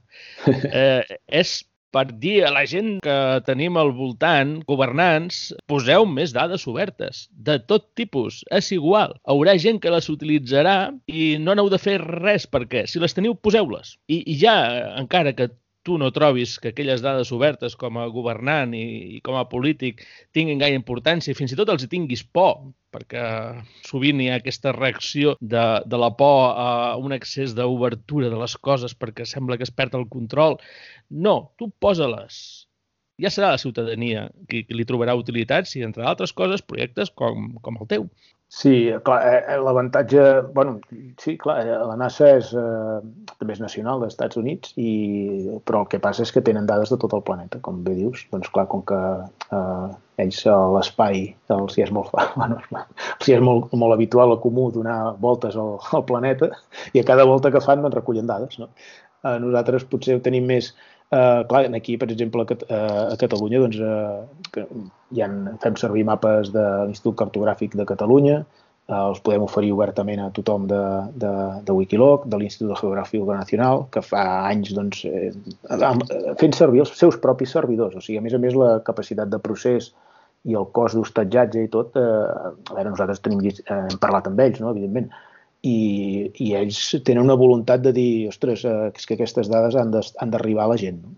Això és, jo ho trobo fantàstic. Els de la NASA va ser més baixar-te les dades en cru i després un cop els tens a l'ordinador dir, bueno, ara què en fem? Doncs bé, doncs aquí hem d'anar a crear aquestes escultures, aquests mapes de relleu, de dades d'OpenStreetMaps, amb el nostre estilat, i els vam oferir gratuïtament a, a tota la... Tothom es pot descarregar els mapes i, bueno, hi ha milers i milers i milers de descàrregues de mapes de cada dia, no? I és una cosa molt útil, és un ús de, de dades així obertes, jo crec que molt, molt útil. La gent no els fa servir i és un servei innegable quan estàs a la muntanya. No? He volgut eh, posar aquesta cosa dels mapes mentre s'explicava el tema del, de l'exponencial i de que arriben empreses que ho agafen un, amb un enfoc diferent al teu i que poden disparar-se i, uh -huh. i fer que et quedis molt enrere. Justament per això, alguns projectes, quan comencen, i això també ho veus quan fas mentories, es creen hipoteques, hipoteques tecnològiques de futur. Vull dir, si tu te limites en el Google Maps, hauries tingut una hipoteca, perquè en el moment en què Google comença a cobrar, eh, molts dels teus beneficis se n'anirien pagant els mapes de Google. Mm. I tu aquesta hipoteca no l'has tingut, has estat despert i has cercat altres llocs i amb el tema mapes, que és bàsic per vosaltres, no tens una hipoteca tecnològica. I això podria fer que, si no es té en compte, doncs eh, tu has de cobrar molt amb un client, apareix una nova startup que utilitza aquests mapes oberts i que pot cobrar molt menys, i aquest és el que, per molta comunitat que tinguis, amb dos, tres anys t'ha menjat. Sí, això també és una, Eh, sí, m'hi reflecteixo i també hem tingut moments que les decisions que vam prendre tampoc eren les millors que havíem d'haver pres eh? i no, no havíem vist venir el, justament el que dius. No? En el nostre cas eren temes d'escala. Eh, potser al principi doncs, dius, per exemple, per posar un exemple, les imatges. Ara hi han 35 milions de, de fotografies a, a Wikiloc no? i se'n pugen milers diàriament una decisió que vam prendre al principi, i no és ara per canviar d'opinió ni molt menys. O sigui, eh, vam dir les fotografies de la gent, tot i que no es cobra res per, per l'hostatjatge de, de les fotografies a Wikiloc, eh, vam dir les guardarem amb alta resolució, tal qual, com vinguin, amb una resolució alta i les guardarem perquè, com que és l'àlbum d'aquella persona, doncs si algun dia les vol recuperar, que tingui una versió grossa, que no quedi escalada com si fos així, per dir, el just perquè surti bé a la pantalla i prou. No, vam dir, doncs l'autor d'aquella fotografia que la guardi amb tamany gran. Això era quan es pujaven, no sé, eh, 100 fotografies a la setmana. Clar, ara, ara, quan hi han 35 milions i que se n'estan pujant milers diàriament, Déu meu senyor, aquella decisió que havies pres d'una manera així, això és com ha de ser, fem-ho així, ja està. Doncs després veus que, clar, tens uns problemes de disc durs, d'hostatjatge, de, eh, tens uns costos bastant grans justament doncs, de, de, de sistemes de cloud, de, de magatzament, que es tornen aquestes hipoteques. No? El que passa és que ara jo crec que no, no, nosaltres no ho podem canviar, la gent ja ho espera, és el que tu deies al principi, eh, ens acostumem a això i creiem que és en el nostre, la part gratuïta, tothom pot il·limitadament pujar aquests continguts, i el que hem de fer és nosaltres ser creatius per continuar donant aquest servei i, i, i no defraudar a la comunitat. No? És una, aquesta hipoteca l'haurem de continuar, continuar, continuar tinguent. Uh, llavors, què van fer també? Uh, serveis d'hostatjatge d'imatges i processat d'imatges per fer les versions reduïdes, etc. Doncs n'hi havia diversos que, que tenien un cost mensual. Era molt tentador en aquella època de, de, de falsa, perquè bueno, era poc volum i va, doncs si ho haguessin fet ara haguessin sigut prohibitius. Però, mm, no sé, sis xifres, no? que dius, mare de Déu, això no, no podem, no podem pagar-ho. En aquella època el que vam decidir és eh, rascar, com que som molt enginyers, tots plegats, informàtics en l'equip, vam dir, va, anem a fer el nostre sistema de processat d'imatges. Sort que ho van fer en aquella època. Però clar, en aquella època hi havia gent que ens deia, però si això no és el vostre, vosaltres no heu d'estar fent servidors d'imatges, vosaltres heu d'estar fent coses de mapes i d'allò, i vam dir, bueno, però és que, ostres, ja, ja, aquella, jo crec que en perspectiva allò va ser una decisió que hi havia molta, eh, molt, molt, molta opinió en contra, però va ser encertada, perquè justament ara, després de 5 o 6 anys, doncs continuem servint els nostres, amb la nostra pròpia tecnologia, les, les imatges, les catxers i tot, eh, perfectament i amb uns costos eh, irrisoris comparat amb les solucions comercials que hi ha.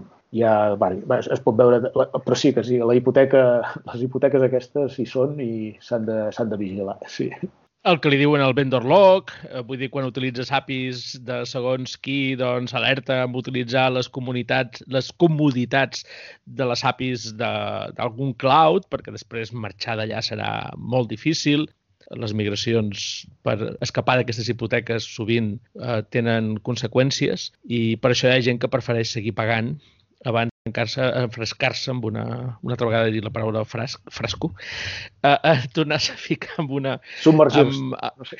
Submergir-se, bueno, no sé, no, no, submergir no sé si és gaire bon sinònim, però... Bueno. Amb, una, amb, amb, amb una migració. Uh, em miro molt, per exemple, quan ho fa la gent de Dropbox i no, es va, no va passar res. Tenen molts bons enginyers. Dropbox estava en el cloud i en cert moment creu que pot muntar el seu propi centre de dades doncs mira, els de Dropbox ho van fer molt bé i, i són ex exemples de, de, del que comporta el creixement d'una empresa amb aquest entorn digital i exponencial. N'hi ha d'altres que són personals, no només tecnològics. Tu ja no programes. Malauradament, poc. I és una de les ah, coses sempre, que... se, sempre se diu sempre se diu malauradament no i és una cosa que porto fatal. doncs sí, tots jo sóc un altre estereotip d'aquests. els nerds, els nerds, o si ets ciències, aquesta cosa la tenim, però és una decisió que s'ha de prendre. I quan no s'aprèn, també hi ha molts errors. Perquè normalment molts projectes comencen doncs, un parell d'amics que programen, en aquest cas eres tu sol, no hem parlat del moment en què se comencen a incorporar els primers eh, companys de programació, però bé, passa en cert moment i si tot el món programa i no hi ha ningú que pegui una passa en, en, enrere, més que enrere, amunt, i no se respecten aquestes coses que molts informàtics se n'en foten d'elles, com el Product Owner, el Project Manager, si no, si no es té en compte que ha d'haver un, un CIO, un CTO, delegar costa molt, ens en riem d'aquestes figures i no ens en hem de riure pas, sinó respectar-les profundament, perquè són necessàries per poder fer un creixement. Deia abans de donar passes cap amunt, i és per fer una mirada des de fora de la caixa. Si tu haguessis d'estar en aquests moments esbarallant-te amb detalls tècnics, per exemple, el dia que vàrem parlar, m'explicaves les dificultats que teniu amb alguns mòbils de Huawei, mm. si cada vegada t'haguessis de desbarallar amb això, no podries tenir el cap amb altres coses. Perquè els informàtics tendim a ser una mica obsessius i estaríem amb aquell problema que teníem amb els mòbils Huawei i no estaríem pensant en, en aquestes hipoteques tecnològiques, en la següent passa, en com amb la comunitat, no estaríem visualitzant aquestes persones, no estaríem escoltant què diuen, perquè estem molt ocupats programant, estem molt ocupats resolent una cosa i això ens apassiona i llavors la comunitat pah, està allà, sí, van vinguent i van sortint, no? i te n'oblides una mica d'ells perquè els problemes van creixent, cada vegada són més. Llavors tu vas fent equip i tu fas una mica la feina de pensar des de fora de la caixa, anar mirant com tot funciona. No? Explica'ns-ho una mica, aquest procés de, de crear les figures i els rols. Bé, nosaltres, eh, a veure, abans de res, no? Jo, tot el, el que acabes de dir també és super d'acord. Més que les figures, jo no veig tant encara les figures per, per mm, poca experiència, eh, reconec, o per ignorància meva, però el que sí que té molt de sentit i que veig claríssim, que el, més important és això d'aixecar-te i veure allò que diuen veure el bosc per sobre i no estar veient les fulles d'un arbre. Dir, a veure, -huh. o, o dir, imaginem que estem obrint, uh, obrim, obrim un camí bosc, ara que parlem de rutes, estem obrint un camí bosc. Si tots estem en allà i ningú s'aixeca, puja en un arbre i diu, però a veure, anem a la bona direcció, al bon sentit, per exemple, el sentit, vull dir que no sí. tornem enrere, doncs... Eh, que no estem podem... donant voltes en, en cercle, estem Clar, fent una... com si fóssim unes termites del bosc que anéssim menjant, anem, anem treballant molt, i som molt productius i molta feina, però cap on anem, no? I realment la, el secret és, és, eh, és que hi hagi algú o que sigui capaç, que poden ser diverses persones o pot ser tot l'equip, eh, que siguem capaços de tant en tant aixecar-nos del nostre teclat, de la nostra pantalla i mirar una mica en perspectiva i dir, a veure, què és el que hem de fer, quina és la prioritat, eh, tot això que estem fent ens ho podríem saltar i efectivament si estàs l'artístic la, la, la, la component artística de la programació porta aquesta passió de dir qualsevol cosa és un repte i és com una dopamina d'anar anar programant més, més, més, fent més coses i aquesta sensació de benestar que, que provoca anar resolent problemes, a vegades has de dir, vale, molt bé, però cap on tenim, no? Amb, amb, cap on va el barco? Això sí que és molt important. Ja no sé tant de figures. En el cas de Wikiloc som una estructura molt planera, Uh, jo sí que um, crec que faig les... Um, a veure, a LinkedIn me poso com a CEO, vale, uh, però ha sigut un càrrec que, que m'ha caigut perquè penso que me toca uh, fer coses que potser ningú més de l'equip ara està fent. Uh, uh -huh. Potser algunes són bastant avorrides, o, però bueno, me toca fer-les i les faig, cap problema però sí que és important que hi hagi algú que estigui mirant cap on va el barco, no? que no estigui donant voltes a alta mar i no arribi enlloc. Uh, això, això és molt important. En el cas de Wikiloc són molt planers i a vegades és, és un equip molt bo i a mi sempre dic que m'agraeixo molt doncs, veure que qualsevol de l'equip de tant en tant me diu Jordi, uh, alerta, uh, vigila això que en aquí i jo dic, ostres, quina... me sabia passar per alt i dic, ostres, gràcies per donar-te en compte oh, és que estem parlant amb aquest usuari no sé què, tal, i passa això, això i això vas, vas tinguent més claredat de cap on vas i quina és la direcció bona, no? Eh, tot l'equip pot fer rols d'aquest tipus. Eh, crec que hi ha d'haver-hi una fer-se seu el projecte a tot l'equip i no dir, mira, jo faig la meva feina i tot l'altre m'és igual. Si tens gent motivada, gent de talent, que podria estar en molts altres llocs, moltes altres, moltes altres empreses, però decideix voluntàriament estar aquí amb nosaltres, doncs són gent que també fan aquesta implicació extra i miren el més enllà, no? s'aixequen una mica de, per, de dalt i miren, miren la, el panorama com està. I això en el nostre mm -hmm. cas és una mica ens ho repartim entre tots, tot i que sí, a mi em toca fer la figura més, uh, més visible d'aquest estil. Clar, és que és un cas de, que també es donen molts de projectes que són de software eh, fets per la facció d'un programador que l'afecció en aquest cas no és una cosa de software, sinó que és uh, anar en bicicleta o l'excursionisme mm -hmm. i que és uh, funcional perquè coneix les necessitats funcionals de la cosa i a més a més doncs, és programador. Llavors aquí sí que hi ha una figura de, de CEO. A més a més és programador, però no és obligatòria eh, insisteixo que a l'hora de convertir coses en software, i això ja no, no és per tu, sinó per la gent que escolta aquest capítol, llavors un, un metge, per exemple, el que necessita, crec, amb un equip per començar, és almenys una figura que converteixi la seva idea de metge o, o tot allò que coneix ell profundament, ho expressi amb algú que sigui capaç de, de convertir-ho en software però aquesta persona no ho ha de programar ell, perquè ha d'estar atent del que passa en el món de la salut, però al mateix temps fa falta una altra figura perquè aquest que està allà al mig després no s'ha d'esbarallar en que aquella aplicació que estan fent no funciona en, en cert mòbil o en cert model de mòbil, com us passava en aquest cas del Huawei, que ara comentarem si, si et sembla bé. Doncs el, el tema és que necessita una altra segona figura que se n'encarregui d'aquest dia a dia tècnic i que tampoc programi, sinó que sabi com s'ha de fer les coses. I aquest seria el CTO. Normalment en aquest país moltes vegades es demanen CTOs que programin. I no, han de saber programar per saber del seu equip o, o de l'empresa que hagin llogat els serveis informàtics qui programa millor certes coses, qui programa millor quines altres, quin és més hàbil amb això, qui no, qui no és hàbil perquè sap programar i coneix el, el negoci de la programació. Llavors el CTO és el que um, n'encarrega del dia a dia dels problemes que pugui donar el software sabent programar. El CEO també sap programar perquè és capaç de convertir la idea del CEO en, en software i imaginar un producte i veure el mercat, veure les dues parts i el CEO, en aquest cas el gerent, és el que coneix el negoci. Ho dic perquè cada vegada ens ho trobarem més eh, que molts de projectes que tenim a software estan començats per informàtics que a la vegada són els que diuen com ha de ser el producte, perquè en, el, en el cas teu, doncs això, eres un, un excursionista, i, i a mesura que convertim més coses en software i que siguin, doncs, per exemple, d'això, del món de la medicina, passarà menys que el CEO de l'empresa sigui també informàtic al mateix temps.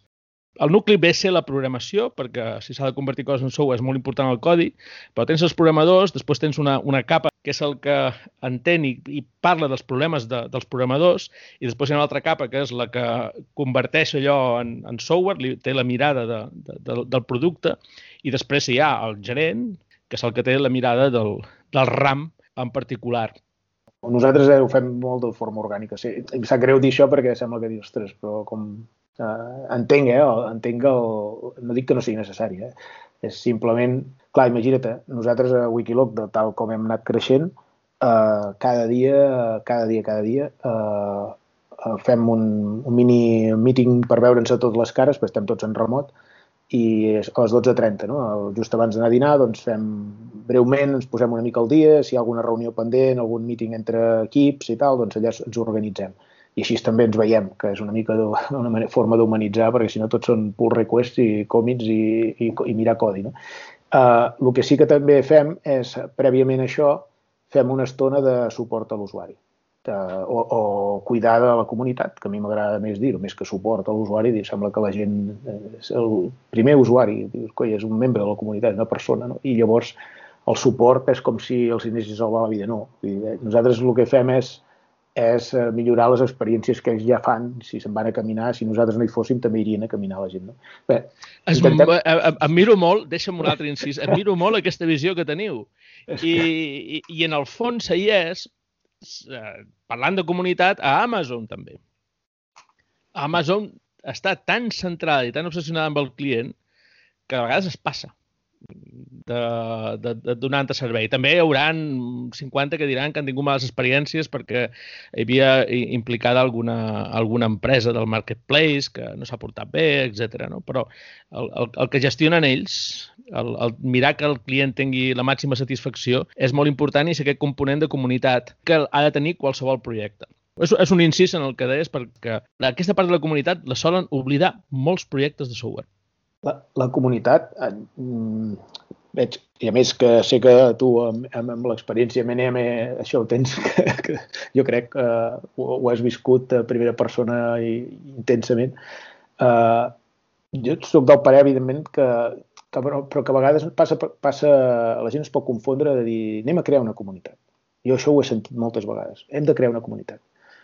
I, Mm, és com si tinguéssim un poder sobrenatural d'organitzar la gent, com hipnotitzar-los a tots i dir ara sereu una comunitat. això, això és una fal·làcia. És una fal·làcia, perquè sí. realment és el màxim que hem fet. Jo mai de la vida he pensat en crear una comunitat.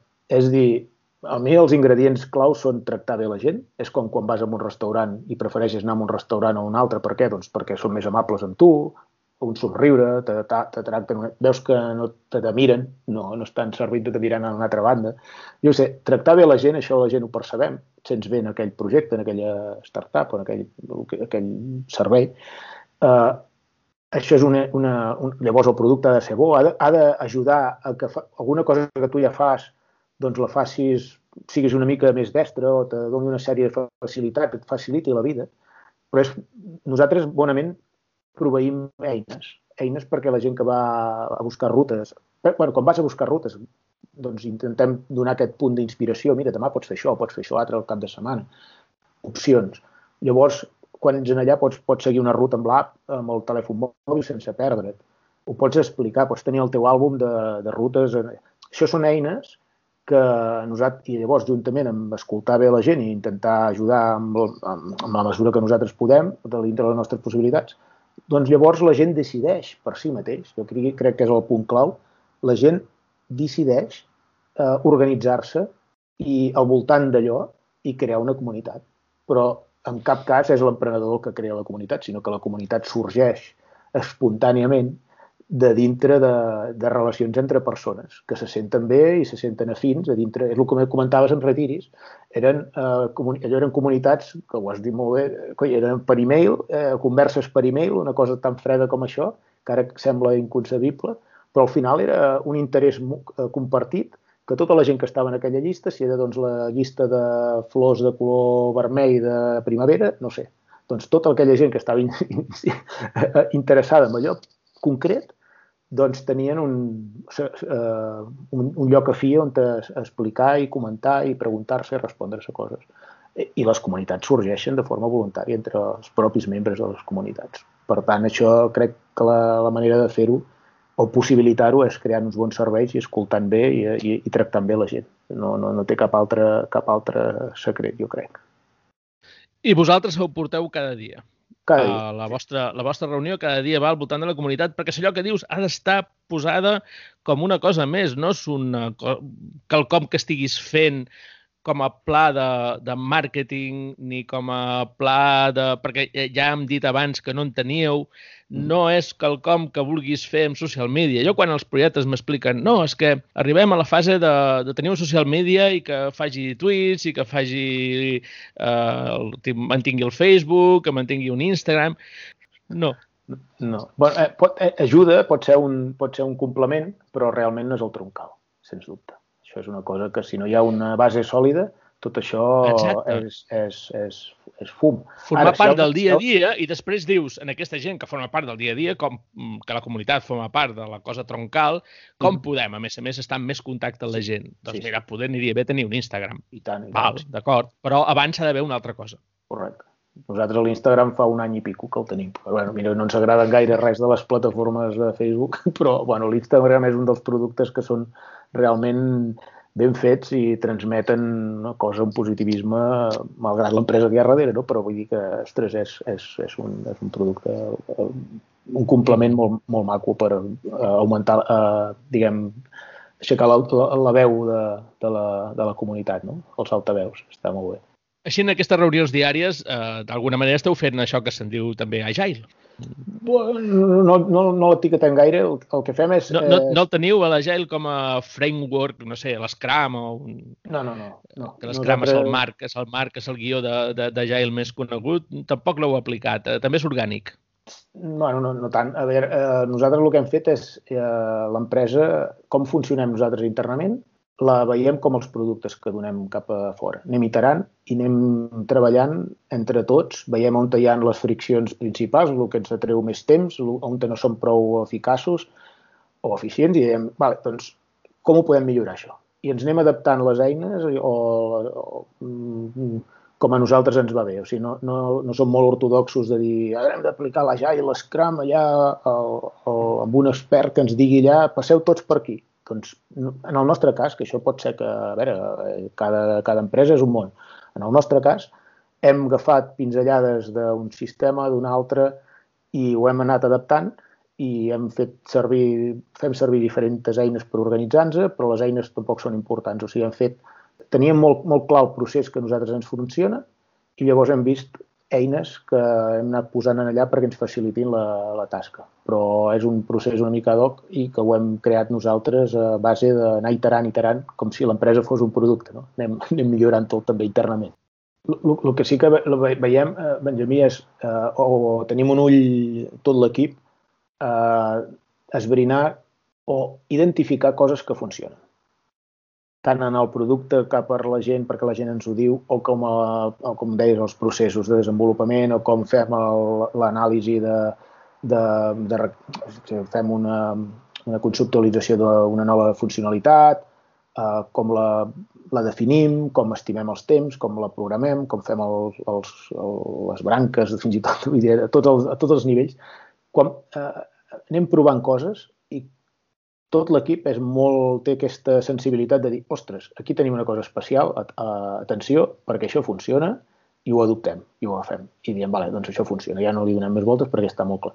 I a partir d'aquí hem anat agafant coses que ens funcionen i hem anat creant doncs, la nostra realitat com a empresa i alhora el producte que veu tota la comunitat també ha funcionat així. Hem anat eh, identificant aquestes coses que són necessàries, que són molt, molt valorades, que són el més important. També els ser pocs ens han obligat a, a descartar moltíssimes coses, dir que no a molta, moltes coses que havíem de fer o que podíem fer, i, i com que eren pocs, doncs centrar, pensar molt bé on te posàvem els recursos perquè fos el que més, el, més, el que més es necessitava per la gent. No?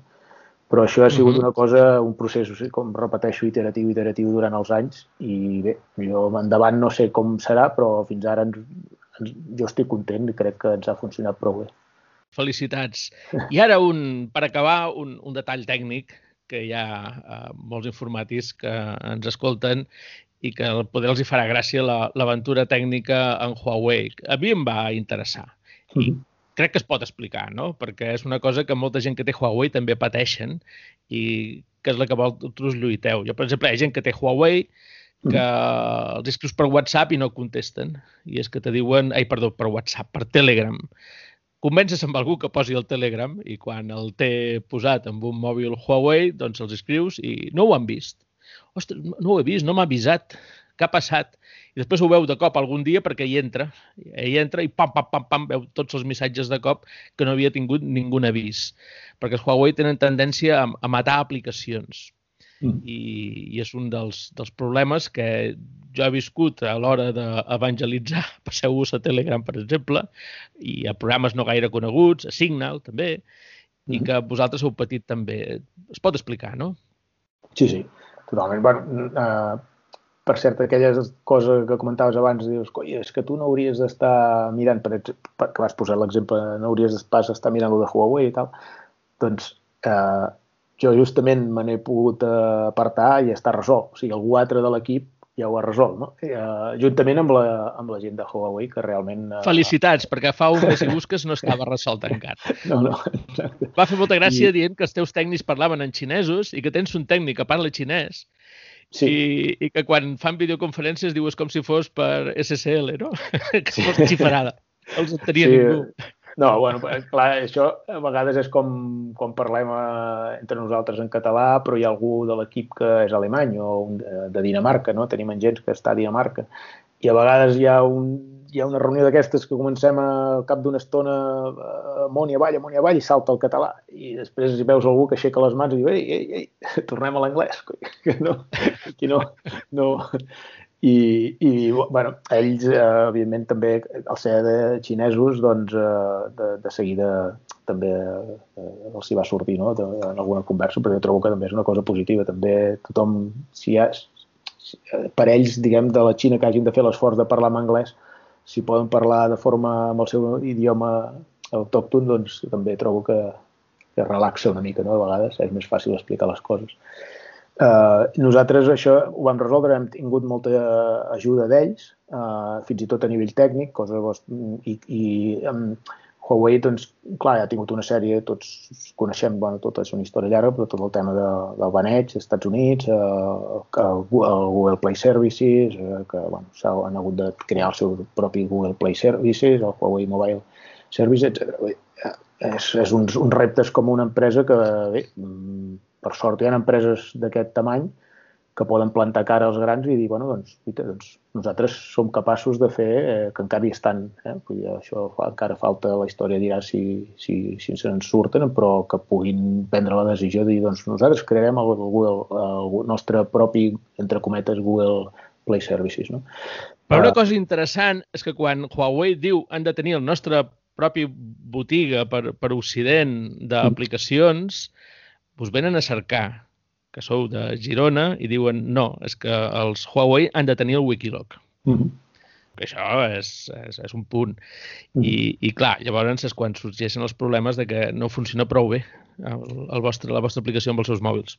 Sí, no, bueno, això nosaltres ja ho sabíem de membres de la comunitat, que clar, la nostra eh, aplicació té unes peculiaritats de que s'utilitza durant, està engegada durant moltes hores, quan estàs eh, fent una caminada per la muntanya, tens el mòbil, diguem, amb la pantalla apagada, l'aplicació va en segon pla, està funcionant, està consumint recursos del GPS, però no pot parar de consumir recursos. Ha de continuar rebent localitzacions per poder gravar tot l'itinerari que estàs fent.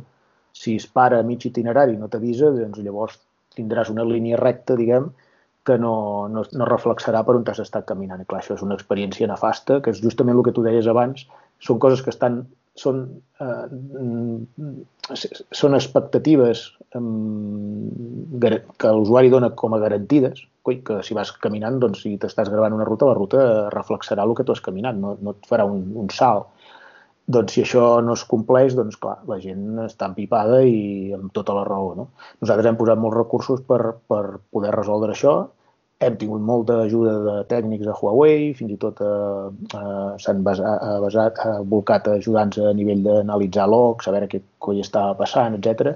I finalment hem, hem trobat el que passava. Ha sigut un, una col·laboració conjunta i nosaltres només podem parlar coses bones de, de Huawei eh, sense entrar amb el repte aquest de, que tenen per davant de fer aquesta, la seva pròpia botiga i, i l'HMS i tot plegat és, són reptes molt i molt grans, però clar, són empreses tan grans que marxen de la, de la visió, almenys de la meva, no? Vull dir, tant de bo tinguin èxit, que mm -hmm. sempre hi haurà bé que hi hagi doncs, Apple, Google i doncs, Huawei. Doncs vale, doncs són tres, millor que dos, no?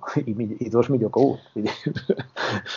A més, eh, podem aprofitar per desmentir algunes idees de que Huawei és una empresa eh, que és perquè els xinesos t'espin i aquestes coses. Eh, heu pogut tractar amb ells. De fet, hi ha molta gent que no sap que Huawei és una cooperativa uh -huh. i que tots els treballadors són cooperativistes, que per aquest motiu els ha pogut eh, atacar l'administració de Trump, perquè eh, si ets una empresa que els teus socis tots són els treballadors i li pegues una, una destralada a l'empresa, no hi haurà ningú accionista en borses internacionals que li diguin amb el Trump ei, no em toquis la butxaca, que jo sóc accionista de Huawei i, i vaig posar diners a, a les teves campanyes o que som amics no, no em putegis a través de Huawei. Això, clar, no hi ha ningú que li digui amb el Trump perquè els accionistes són els treballadors i a més a més són xinesos i crec que el president o el fundador de Huawei té un, un 1% és un accionista gros per tenir en, en compte, no? perquè un 1% és molt d'una empresa mm, tan grossa com aquesta, però que hi ha molts de treballadors que guanyen més per, per les accions que no pas per, pel seu sou. Mm -hmm. I que quan estàs en contacte amb ells trobes en gent realment interessada en el projecte i, i molt bons tècnics. Sí, bons tècnics i amb una voluntat molt clara de, de que, que les apps funcionin a dintre de les seves plataformes. És que és, un, és una cosa que sembla molt de base, però a vegades, clar, nosaltres amb qui parlem doncs som, no sabem bé, bé els càrrecs ni, ni, ni quina posició tenen a dintre de Huawei, però els veiem com una voluntat de resoldre els problemes no? i no de passar la pilota i dir, oh, és que això, si, si, si falles per tema del software, no, és, a veure, anem a veure què és el que està passant. No? I, i bé, la nostra, però ja t'he dit que eh, la nostra relació, evidentment, si espien o no espien, totes aquestes coses a mi se m'escapen, evidentment. però el, la, el tracte, tracte superficial que nosaltres hem tingut amb, aquesta, amb l'equip que hem, les 6-7 persones de Huawei que hem treballat, doncs perfecte. Exemplar i uh -huh. molt bé. Igual que amb altres partners que hem tingut, amb, puc parlar de Garmin, puc parlar de Sunto, puc parlar d'empreses molt grans, que a vegades penses que serien, seran molt fredes, però te'n dones compte de que darrere aquestes empreses tan grans també hi ha persones, i si l'empresa té uns valors i una cultura mm, bona, ho veus de seguida amb la primera persona que trobes que has de treballar de l'empresa. Te'n dones compte de que no són, són gent implicada i que van a resoldre problemes i amb una convicció de, de, de, fer la, de resoldre problemes, bàsicament. I bé, això també ens ha passat amb Huawei, que és una de les més grosses que hem tractat. Volia treure això perquè si tu tens un projecte d'empresa exponencial mundial, hauràs de tractar amb els xinesos sí o sí. Posa tu a l'agenda i tu, a més a més, tens algú al teu equip que parla xinès. I que ja és absolutament rodó. És així, no n'hi no hi ha, no ha d'altra. I, I això de l'espionatge, quan se diu moltes vegades, doncs sí, a la Xina els mòbils, els que estan allà a la Xina, sí que tenen espionatge, els que estan fabricats allà, perquè el país doncs, és una dictadura i té la vigilància tremenda que doncs, és complexa d'explicar, no, és, no és per aquest capítol, però també ho tenen els iPhone. Els iPhone que es venen a la Xina també passen informació a l'Estat i Apple, que sol ser considerada, que cuida molt la privadesa i que la posa per davant de tot, doncs a la Xina no. I en canvi Google es va retirar. Es va retirar de la Xina i perquè doncs, entrava en un conflicte amb, la seva, amb els seus plantejaments el fet de lliurar informació, però normalment hi ha molta gent que creu que si té un, un Apple, un, un producte d'Apple, és més, està més segur que si el té de Google. També segurament heu tratat amb Google i sabeu que és bastant fàcil tractar amb ells. També són molt durs els de Google a la part comercial, vull dir, si et vas dedicar amb els anuncis, allà són, són depredadors. Nosaltres eh, hem diria, hem tingut la sort, però parlo amb el meu barret d'enginyer de, de software i que eh, hem, hem tractat amb enginyers. Amb, amb grans empreses, amb pro enginyers, per exemple, com saps, a Google, doncs els enginyers estan molt en l'aire de, de l'organigrama de, de, de l'empresa i tenen una capacitat, ara potser han canviat les coses, però bueno, de, jo, clar, tinc una, la trajectòria nostra de Wikiloc de molts anys, doncs hem tingut eh, contacte amb gent que tenia eh, capacitat decisòria de posar alguna cosa, algun canvi a Google Maps que veiés tot el món i que si una sola persona o amb el seu equip deien que el botó aquell s'havia de moure més amunt o més avall, allò sortia tot arreu. O sigui, amb aquesta gent nosaltres hem pogut parlar, no? I, i parlar, eh, tractar amb enginyers, des d'enginyers amb enginyers, sempre, sempre hem tingut molt, molt, molt, molt fàcil la, la, l'enteniment, l'entesa i no, no han tingut cap, uh, cap problema. I sí, és, fins ara els tractes que hem tingut han sigut molt a nivell tècnic. M'agrada que ho diguis perquè en aquest procés també de, de, tecnologia, de tecnologia exponencial mundial passa que haurem de tractar amb molta gent de moltes cultures. Mm -hmm. I com i una de les coses que podem eh, comprovar és que el llenguatge de programació és, i l'idioma de la programació és el mateix a tots els idiomes, a totes les cultures. Sí, si no saps xinès, al final podries parlar amb ells en Python i poder acabaries entenent també, no? I les matemàtiques, els números, són els mateixos per totes les cultures. Per això, quan te poses amb un, producte, amb un producte tecnològic, és, eh, és mundial. I, I sí, hi haurà, i segurament vosaltres l'heu experimentat, una part de personalització segons costums i, i hàbits de cada país. El que li diuen no només és la traducció del software que s'ha de fer, sinó també la localització. La localització es tenia en compte alguns detalls culturals de cada lloc, mm-hmm. però entre tècnics, mm, per anar fent créixer el teu producte i entendre's entre les APIs, eh, les APIs, aquelles que explicaves al començament, que te van anar també del Google Maps, per entendre't amb, amb llenguatge d'APIs, no, no fa falta. Uh, aquestes diferències culturals desapareixen. I això és una de les explicacions perquè això avanci tant. I curiosament els europeus no hi estem molt posats, però hi ha uh, casos com el de Wikiloc que, que els tenim aquí al costat de casa i que són un exemple. A vegades diem, no, a Europa tenim, no fem res en, en software. Uh, bé, doncs sí, el Spotify és, és, un, és un cas, però també ho és el, el Wikiloc amb número d'usuaris diferents, perquè allà on arriba la música no és el mateix on arriba l'excursionisme, però que les bases no són tan, tan diferents. Per tot plegat, moltes felicitats. Moltes gràcies. Moltes gràcies. Que hi hagi molt de creixement més.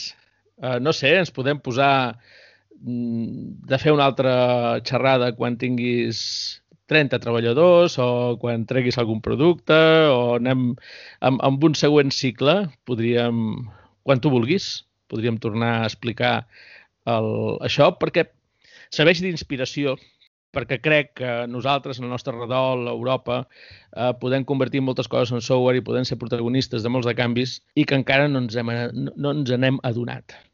Aquesta és la, possiblement la realitat. Molt bé. Doncs moltíssimes gràcies també eh, per haver-me convidat i ja saps que quan vulguis eh, aquesta nova oportunitat doncs estaré content de, de ser-hi. Fantàstic. Una abraçada molt forta, records a tot l'equip i a tota la comunitat.